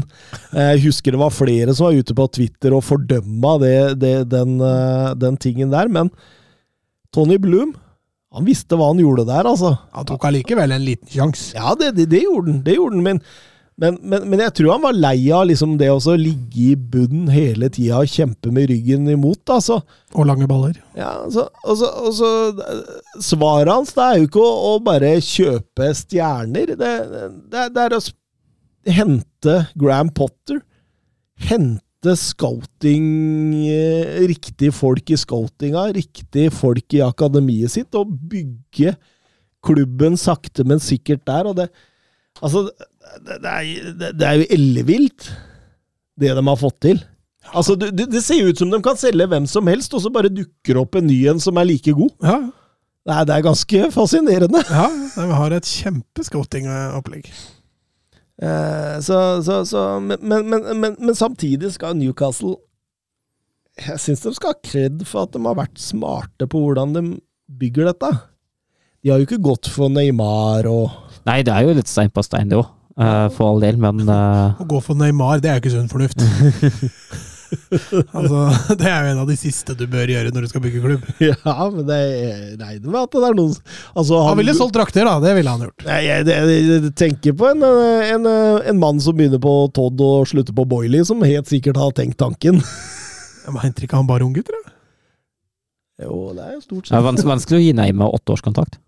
Ja, det er kanskje derfor, ja. Ja, Todd Ja. Hadde fått det til.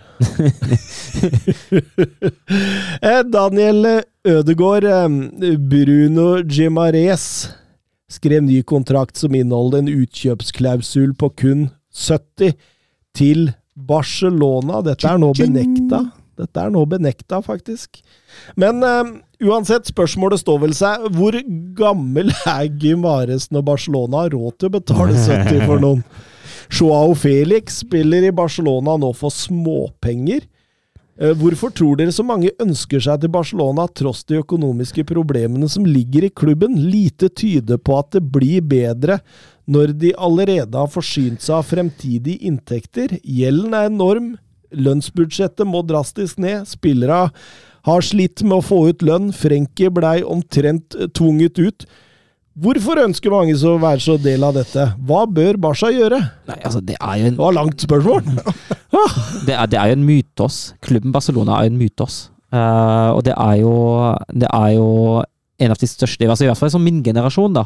Jeg som er født i, i 1990 og sikkert i året etter. Altså, jeg husker jo da Barcelona dominerte eh, Champions League i en periode da, da den fotballen de spilte, var helt enorm, og da de var litt sånn non pluss ultra uh, i verdensfotballen. Uh, og det henger jo igjen. Man får jo et litt annet syn på en fotballklubb når, når man vokser opp med det da. da. Mm. Uh, og jeg tror det gjelder mange av de spillerne nå, at eh, de, har, de har et enormt kraftig forhold til akkurat den klubben, til Barcelona, av eh, kan være flere grunner. Eh, og det er derfor at man, eh, man blåser litt i om man kanskje ikke får så godt betalt, bare man får spille med, med den logoen på brystet. Når var Guardiola i Barcelona? 08 til 12. Ja, ikke sant? Dette passer jo helt perfekt inn i det alderssegmentet Guimarez, Mm. eh, Joao Felix Denne totalfotballen. Man får jo et romantisk bilde. Man har skapt seg helter, ikke sant? Og det, det, det, det er vel knapt nok vært noe bedre lag enn det som eh, figurerte i de, de åra der. Og så, må man jo ta altså, Maradona, Johan Cruyff, eh, Ronaldo Ronaldinho. Ja, ikke sant? Altså, Messi kan vi jo nevne. ja, det, det, det- det er flust, ikke sant? Samtidig som Barcelona er en kul by. Det er en by som både har strand, men også er storby. Har ikke Manchester strand?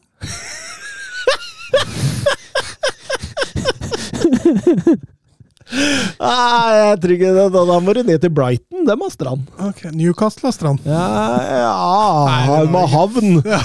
Men eh, Bournemouth skal vel ha strand? Er Ja, Ganske så- fin strand Southampton nå. har vel strand? Ja, Det er mye bra i ja, da, ja da. Ja, Ja, men stra- i England kan du bruke ei uke i året, da. ja, litt sånn stranda oppe i Bodø og Trom Tromsø. Det er, det er mye fin strand Ja, ja, oppe ja. i Nord-Norge, altså.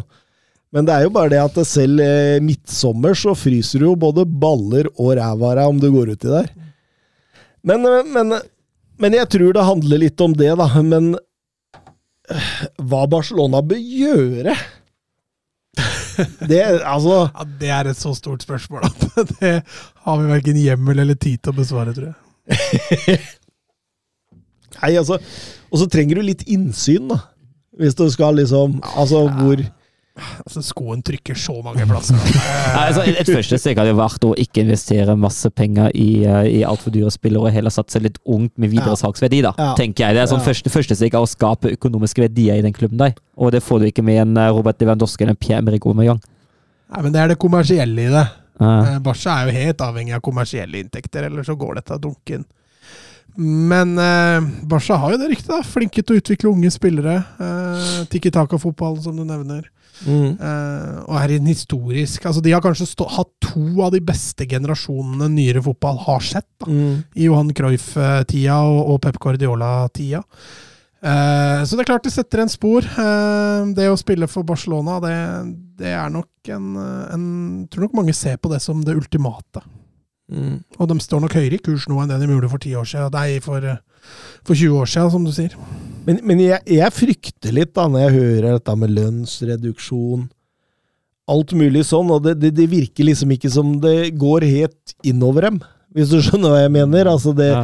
det kjøpes fortsatt. Det Lewandowski kommer, eh, Gundogan kommer. Han var helt sikkert ikke billig på lønn, han. Uh, og det liksom det, det går ikke helt innover dem, og så, og, og, og så til slutt så stopper dette, da. Jeg, jeg, tror det er det problemet som Barcelona har, da, at man så absolutt skal henge med i den toppkampen nasjonalt, da, og også ha den forståelse som en internasjonal storklubb. Eh, jeg tror det sitter veldig langt inne for dem å si at ok, men da, da kjører vi på noen sesonger med, med noen lovende unggutter og et par etablerte, eh, Ja, ja. og, så, og så spiller vi om topp fire, så får det bare være. Mm. Uh, Istedenfor at man uh, altså, Man frasier seg ikke seriegull automatisk i Barcelona, ikke sant? da? Og så er det ikke noe det går til Real Madrid istedenfor. Jeg tror den sitter langt, langt inni den der. Eh, Hvis, du beholder de der gutta, da, Condé, Arojo, Gavi, Pedri, Frenkie, Balde, kanskje, og så, og så kanskje selger noen av de de man kan få en del penger for, og lar de med høy lønn gå, og så kan man sope inn noen av disse store talentene fra La Masia, og så kan man bare senke lista noen sesonger. Eh, kan ikke det være en mulighet, da? Jo, men ikke i Barcelona. Ikke i Barcelona. De eh, vil ha Galacticos-signeringer, dem også. Så. Ja.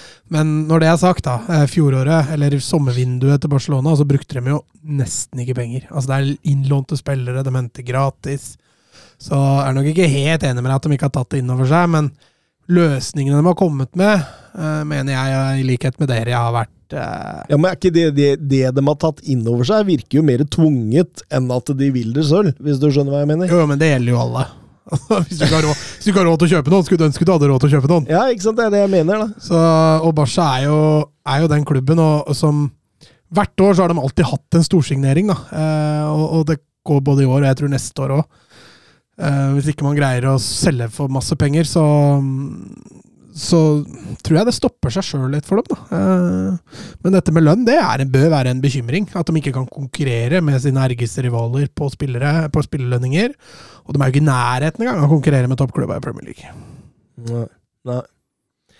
Nei, det blir spennende. Vi får håpe de ikke ender opp som Leeds eller Malaga eller et eller annet sånt. Det Malaga ender de i hvert fall ikke opp med, for der var det jo en eier som er Newcastle. Ja. Eh, André Schjelderup, eh, tanker rundt åpningen i La Liga. Blir dette to horse race-show helt inn? Eller hvordan vil topp fire utspille seg? Ja, altså Det er jo sannsynlig at eh, Real Madrid og Barcelona konkurrerer om seriegull. Eh, altså, nå har ikke Atletico vært dårlige, men de har variert. Eh, og jeg ser egentlig ingen andre utfordrere, så det kommer nok til å stå mellom eh, Barcelona og Real, med mindre begge to får en voldsom formdupp, tenker jeg. Ja, jeg tror Atletico kan, kan klare det. Barca har jo variert veldig. Mm. Men de har ikke tapt, da, og det er en kjempepositivitet. Real Madrid sitt eh, bunnivå i år det har vært ganske lavt. Eh, Mm. Men de har jo vært flinke, eller de har vært eh, Hva var det vi snakka om i stad? Vinnermentalitet. Har greid å grinde ut poeng for det.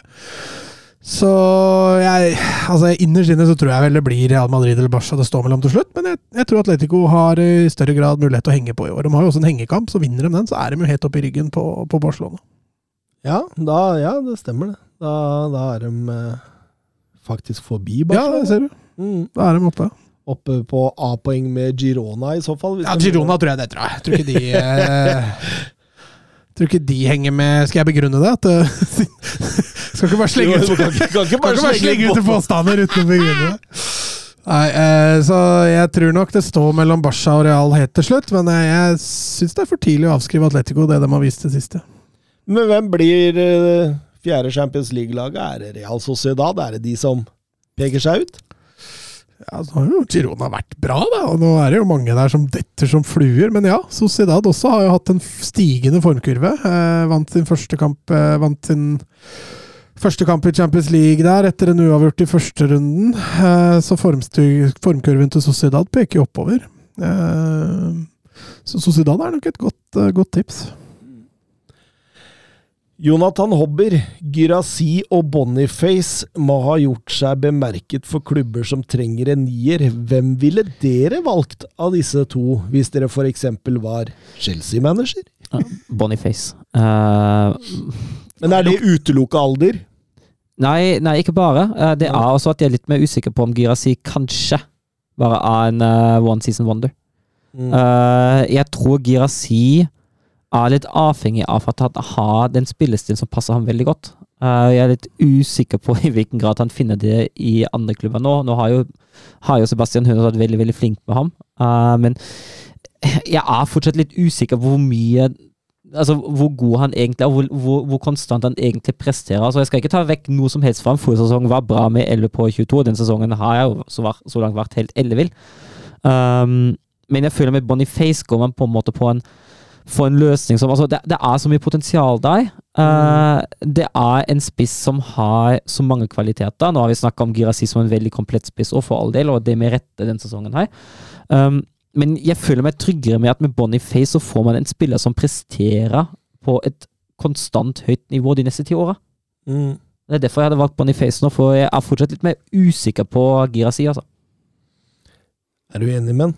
Nei, Jeg ville også gått for Boniface. Jeg syns han er hakket mer komplett og fortsatt mulig å utvikle videre.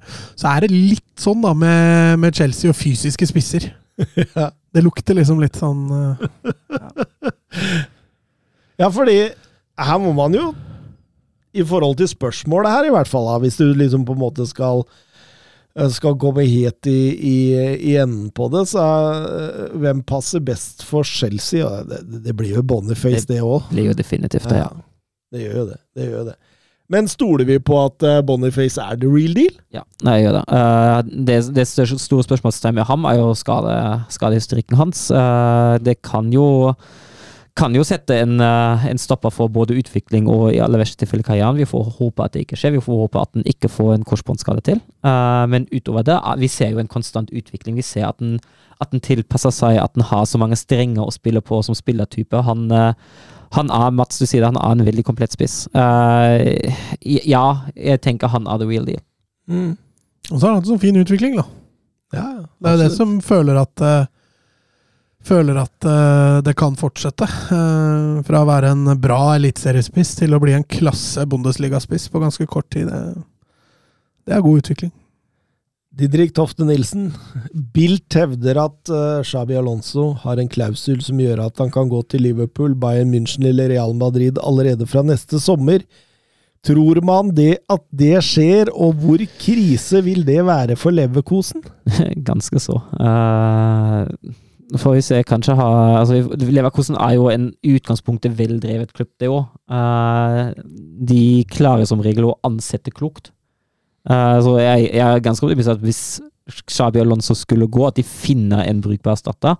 Uh, men jeg kan ikke se for meg at hvis han skulle gå, at de finner en på samme nivå som Xabi Alonso. For det han får til med det laget der, det er helt ellevilt. De kommer til Volkswagen Arena på lørdag, og jeg gruer meg allerede, for det blir slakt. Uh, Niko Kovac kommer ikke til å skjønne hva som treffer ham.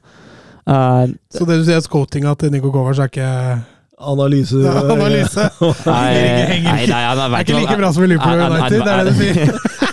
Han veit jo hva som kommer, men jeg er rimelig sikker på hvordan det ender likevel. Um, men uh, nei, det hadde jo vært fullstendig krise. For eksempel Lonzo har i løpet av kort tid i Leverkosen uh, seilt opp som en, uh, som en virkelig potensiell verdensklassetrener. og det er klart at det kommer til å svi å miste en sånn, fordi Leverkosen for all del, veldreven klubb, og skal ikke ta vekk noe som helst fra dem heller, men de kan ikke vente å finne én på samme nivå. Klopp har vel kontrakt i 2026, og Tuchel er vel så bare så vidt starta på sitt prosjekt, så det, det, det, det For Leverkosen da, så blir det å be til høyere makter om at Florentino Perez ser til Raúl eller Zidane, kanskje? Ja. ja. ja nå er Nagelsmann borte fra markedet òg, så ja, jeg tror ikke, ja, han, bare, han, var aktuell engang. Nei, og så har han, han bare kontrakt til EM. Mm. Og vinner han EM, så får han eh, livstidskontrakt. Nei, vi får se. Altså, det kan hende det er et prosjekt nå, fordi eh, både Fotballforbundet og Nagelsmann skal ha muligheten til å finne ut om det er det de har lyst til videre.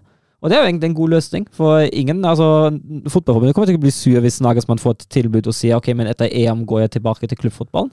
Ja. Og Nagelsmann kommer ikke til å bli sur at, uh, hvis Fotballforbundet sier at nei, men dette her var ikke helt det vi så for oss, resultatene ble for dårlige, det blir dessverre ikke deg videre. Det, det er en uh, grei avtale for begge parter, tenker jeg. Mm. Bernt Olav Gjellier Hansen, eh, hva tenker Søren om Augsburgs eh, manageransettelse? Spennende eller motorvei rett ned i andre Bundesliga? Spennende. Uh, overraskende spennende og uh, interessant ansettelse. Det hadde jeg faktisk ikke regna med. Uh, under Stefan Reuter, uh, Stefan Reuter, så har de jo ansatt mye grått og mye kjedelig og mye dårlig.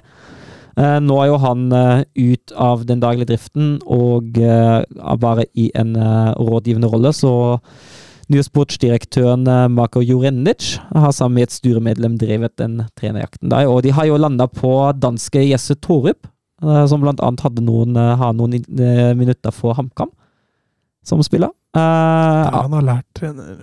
Han er Ståle Solbakken der, tenker jeg. Ja, han tok vel over for Ståle i FCK, ja, tror jeg. Og han har gjort det bra i Danmark. Han har gjort det bra i Esbjerg. Han har vært cup med dem. Han ble kåret til årets trener i Danmark i 2013. Han vant seriegull med både Midtjylland og FCK. Fikk nå fyken i FCK i september 2022 etter en litt svak sesongstart. Men han ser litt ut, altså. Så litt på hvordan han, hvordan han spilte i FCK. Um, og ser da ut til å være en, en veldig interessant trener. Altså han, har, han, er veldig stabilt defensivt, og det er jo alltid et godt tegn.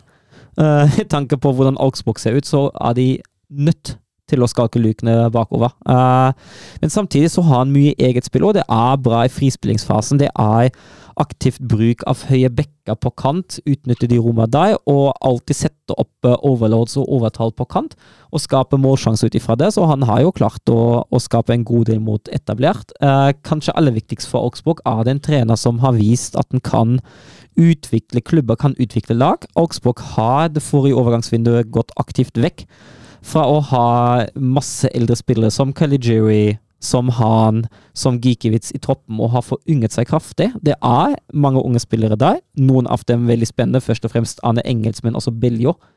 Uh, er interessante spillere.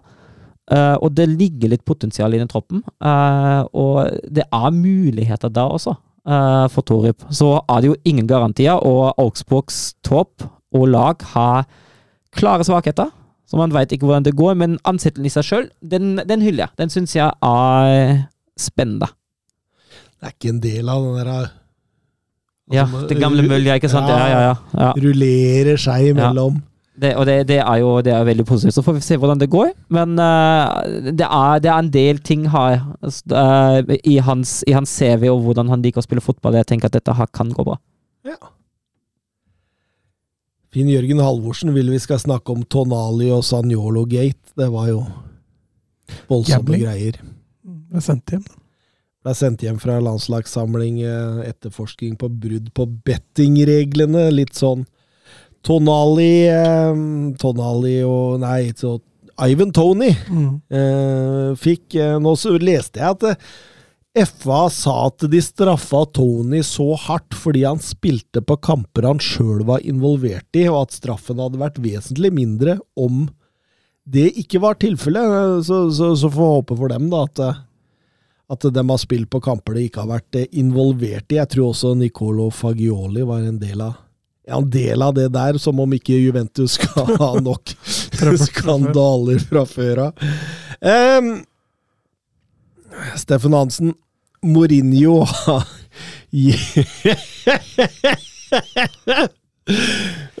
mo, Mourinho har gitt tilbud til Phil Jones. Skodran Mustafi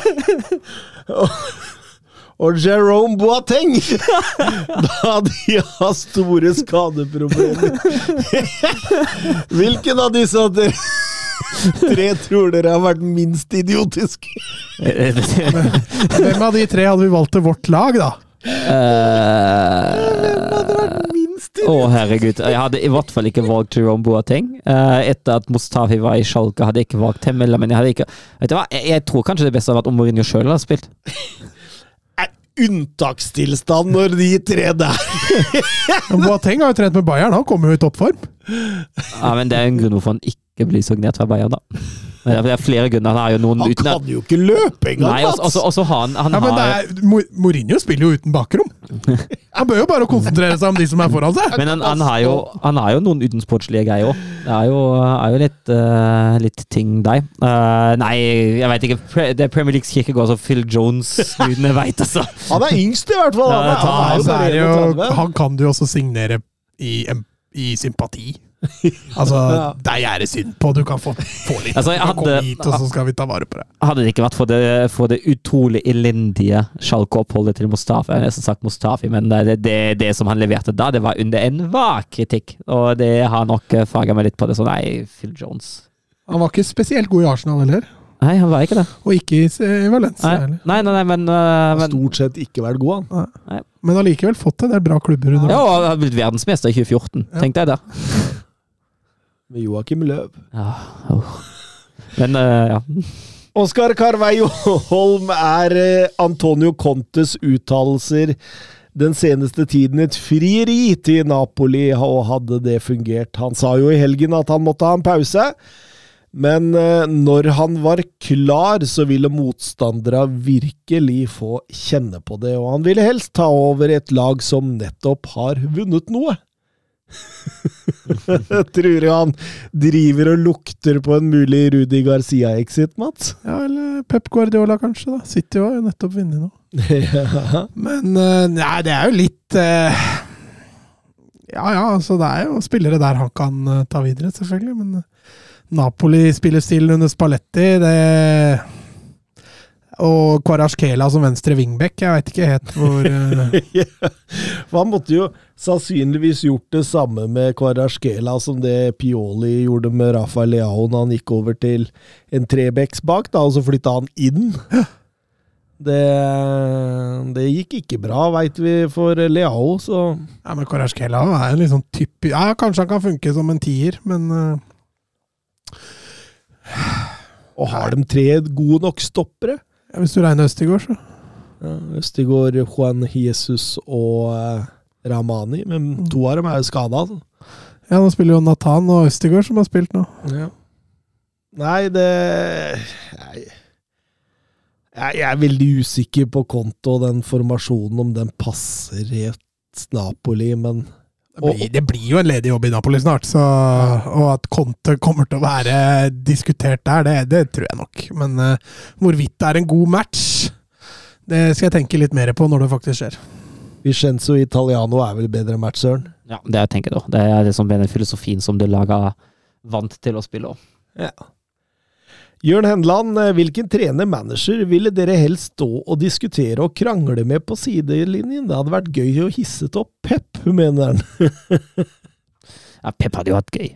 Det har vært morsomt. Klopp tror jeg også kunne vært eh, fryktelig fryktelig artig, selv om han eh, kanskje blir litt redd på et tidspunkt òg, da. Der er det fare for at du blir slått Ja. tror jeg, hvis du liksom hadde gått inn for å Det artigste måtte jo vært Postekoglu.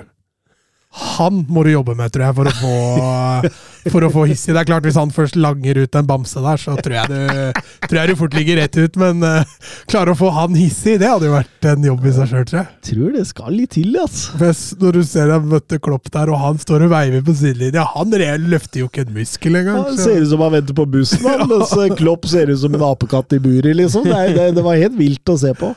Så den også hadde jo vært uh, hadde vært gøy. Ellers så kanskje Geir Bakke. Ja. Det hadde vært deilig, i hvert fall. Ja, og Knea han i ballene hadde vært hyggelig. Eh, Kneene i ballene! Stakkars Geir. Eh, Benfica Norway. Benfica denne sesongen kontra et år siden. Hva er dine tanker, Thomas? Eh, Ja, jeg skjønner at dere stiller spørsmål. Jeg synes ikke de er like gode denne sesongen. Tapet av Enzo Fernandes i januar var tungt. De har ikke helt klart å erstatte han. Eh, Gonzalo Ramos og og Grimaldo, heller ikke helt klart å erstatte med Cabral og, og um, Jurasjek der. og uh, Jurasjek har riktignok vært en del skada, men de har ikke helt kommet seg inn i rollene. Trubin har vært bra. eh, godt kjøp. Ko, eh, eh, Kuki har vært, eh, vært god, Eh, men ikke på Enzo-nivå. Eh, Di Maria strålende. Eh, men Nei, det, det, det mangler litt, og det er litt skader. Han har ikke satt laget. og uh, Aursnes har spilt på masse forskjellige posisjoner. Ja, da, han, han har ikke mange posisjoner igjen han ikke har prøvd nå. Nei, og den sliter på nieren, og nei det, det, det, er, det er ikke like bra, altså. Det er ikke det. Den, den, den, den, eh, Roger Schmidt må oftere ty til tegnebrett igjen eh, denne sesongen, og det er ikke like sånn overbevisende hjemmelig liga heller. Det, man har som regel en possession og dominerer stort sett kampene, men, det, men veldig ofte avgjøres helt mot slutten og litt sånn kunne gått andre vei, så det, det, det halker litt. Men ikke i nærheten av Tor Håkon-laget til Søren Døpker, så det Em, Før vi avslutter, Anders Hansen, hva er Derby-planene deres, og hva forventer dere ut av dagen? Nei, jeg er så heldig at jeg skal jo være trener den dagen for Gjelleråsen mot Lillestrøm 2. Så det blir ikke noe Åråsen på meg for min del, så jeg skal tilbringe dagen nedpå Li. Jeg skal jo på, jeg skal jo på kamp. Jeg skal jo på Martins fra klokka ti. Med blant annet Anders Hansen. Det blir jo veldig hyggelig. Eh, Jeg gleder meg masse til, eh, til fantastisk stemning. Uh, og så blir det jo tidlig kamp denne gangen. Men uh, jeg, altså, det, jeg, det jeg forventer, er jo egentlig en, eh, en fantastisk atmosfære på Åråsen. Jeg tror det kommer altså Hvis du skal se én fotballkamp på stadion i Norge i år, så er det jo den.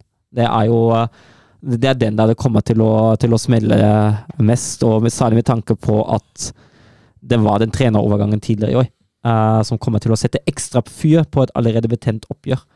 Uh, så nei, jeg forventer at det blir, uh, blir en fantastisk atmosfære hele dagen, og rundt kampen, og så venter jeg selvfølgelig tre poeng til uh, LSK. Nei, Jeg tror det blir mye bråk. òg. Ja, det, det er litt rett for. Det skal vi ikke ha. Jeg bare håper at ingen er så idioter at de tar seg ned på banen Ja. for å gå etter han der Da kommer Ellefsen, vet du. Ja, Så han, Ellefsen? ja, han er kamp, men han er også ansvarlig Ja, ja. sikkerhetsansvarlig. Jeg husker jo det der av bildene når han Ja. kommer ut på matta der og bare nå, nå gir vi oss der. Han passer jo på Haaland som om det skulle vært barnet sitt, jo. Ja, det er noen flaue bilder som kom ut der. Ja, nei um, Gleder du deg, Søren? Eller det er liksom, det er liksom begge deler. da, Sånn glug, gluglede. Glugryde. Du, glu, gluer deg. Nei, men det er, jo, det er jo alltid noe spesielt med derby, og derbyen jeg begynner å kjenne på allerede nå. Um, men samtidig er det jo det største oppgjøret vi har. Uh, både, altså, både for Lillestrøm uh, spesielt, og for norsk fotball generelt. Uh, og altså, mest gleder jeg meg til, uh, til derbydagen og, og hele opplegget. Så det, jeg tror det blir, uh, jeg tror det blir veldig bra, men så er jo det resultatet her så mye å si for opplevelsen. Mm. Uh, for hvis vi taper, så blir jo hele opplevelsen farga av det, ikke sant? Om vi taper, eh, når vi taper. Uh, Hvis vi taper. Og når vi taper etter det. Uh, Altså, det der jeg- jeg- jeg- Vet du hva, nå Lillestrøm ser så ferdig ut. De ser så ferdig ut. Og de har ingenting å spille for. Nå kommer Vålerenga der, og de har alt å kjempe for. jeg tror den kampen der skjønner alle LSK-spillere at det er den, den ene kampen som Jo, ja, ja det. Ja, det. Nå snu en dårlig trend.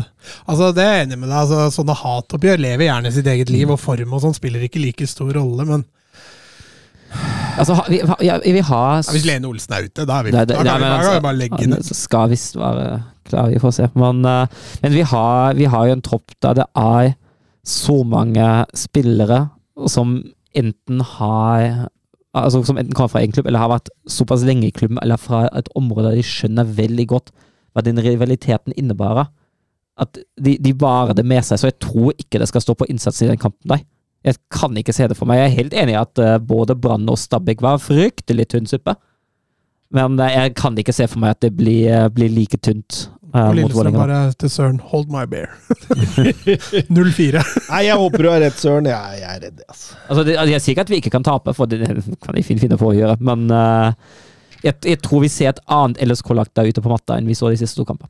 Ja, Det er jo bare å forvente. Ja, For hvis, hvis det kommer det samme laget der da, da er det jo bare å legge ned alt som skjer der borte. Fordi det, de siste kampene nå, det har vært så tynn suppe at jeg Ser ikke ut som et tippeligalag. Nei, Eliteserielag. Nei, nei overhodet ikke. Det ser ikke ut som Og rekruttlaget drev og tapte med masse A-lagsspillere òg, så det sier jo det meste. Ja, men de, de, er, de, De er, har skjerpa seg, ja, er det, men de røyk 6-0 mot Frigg der med Ja, ni. A-lagsspillere, ja, helt skandale. det.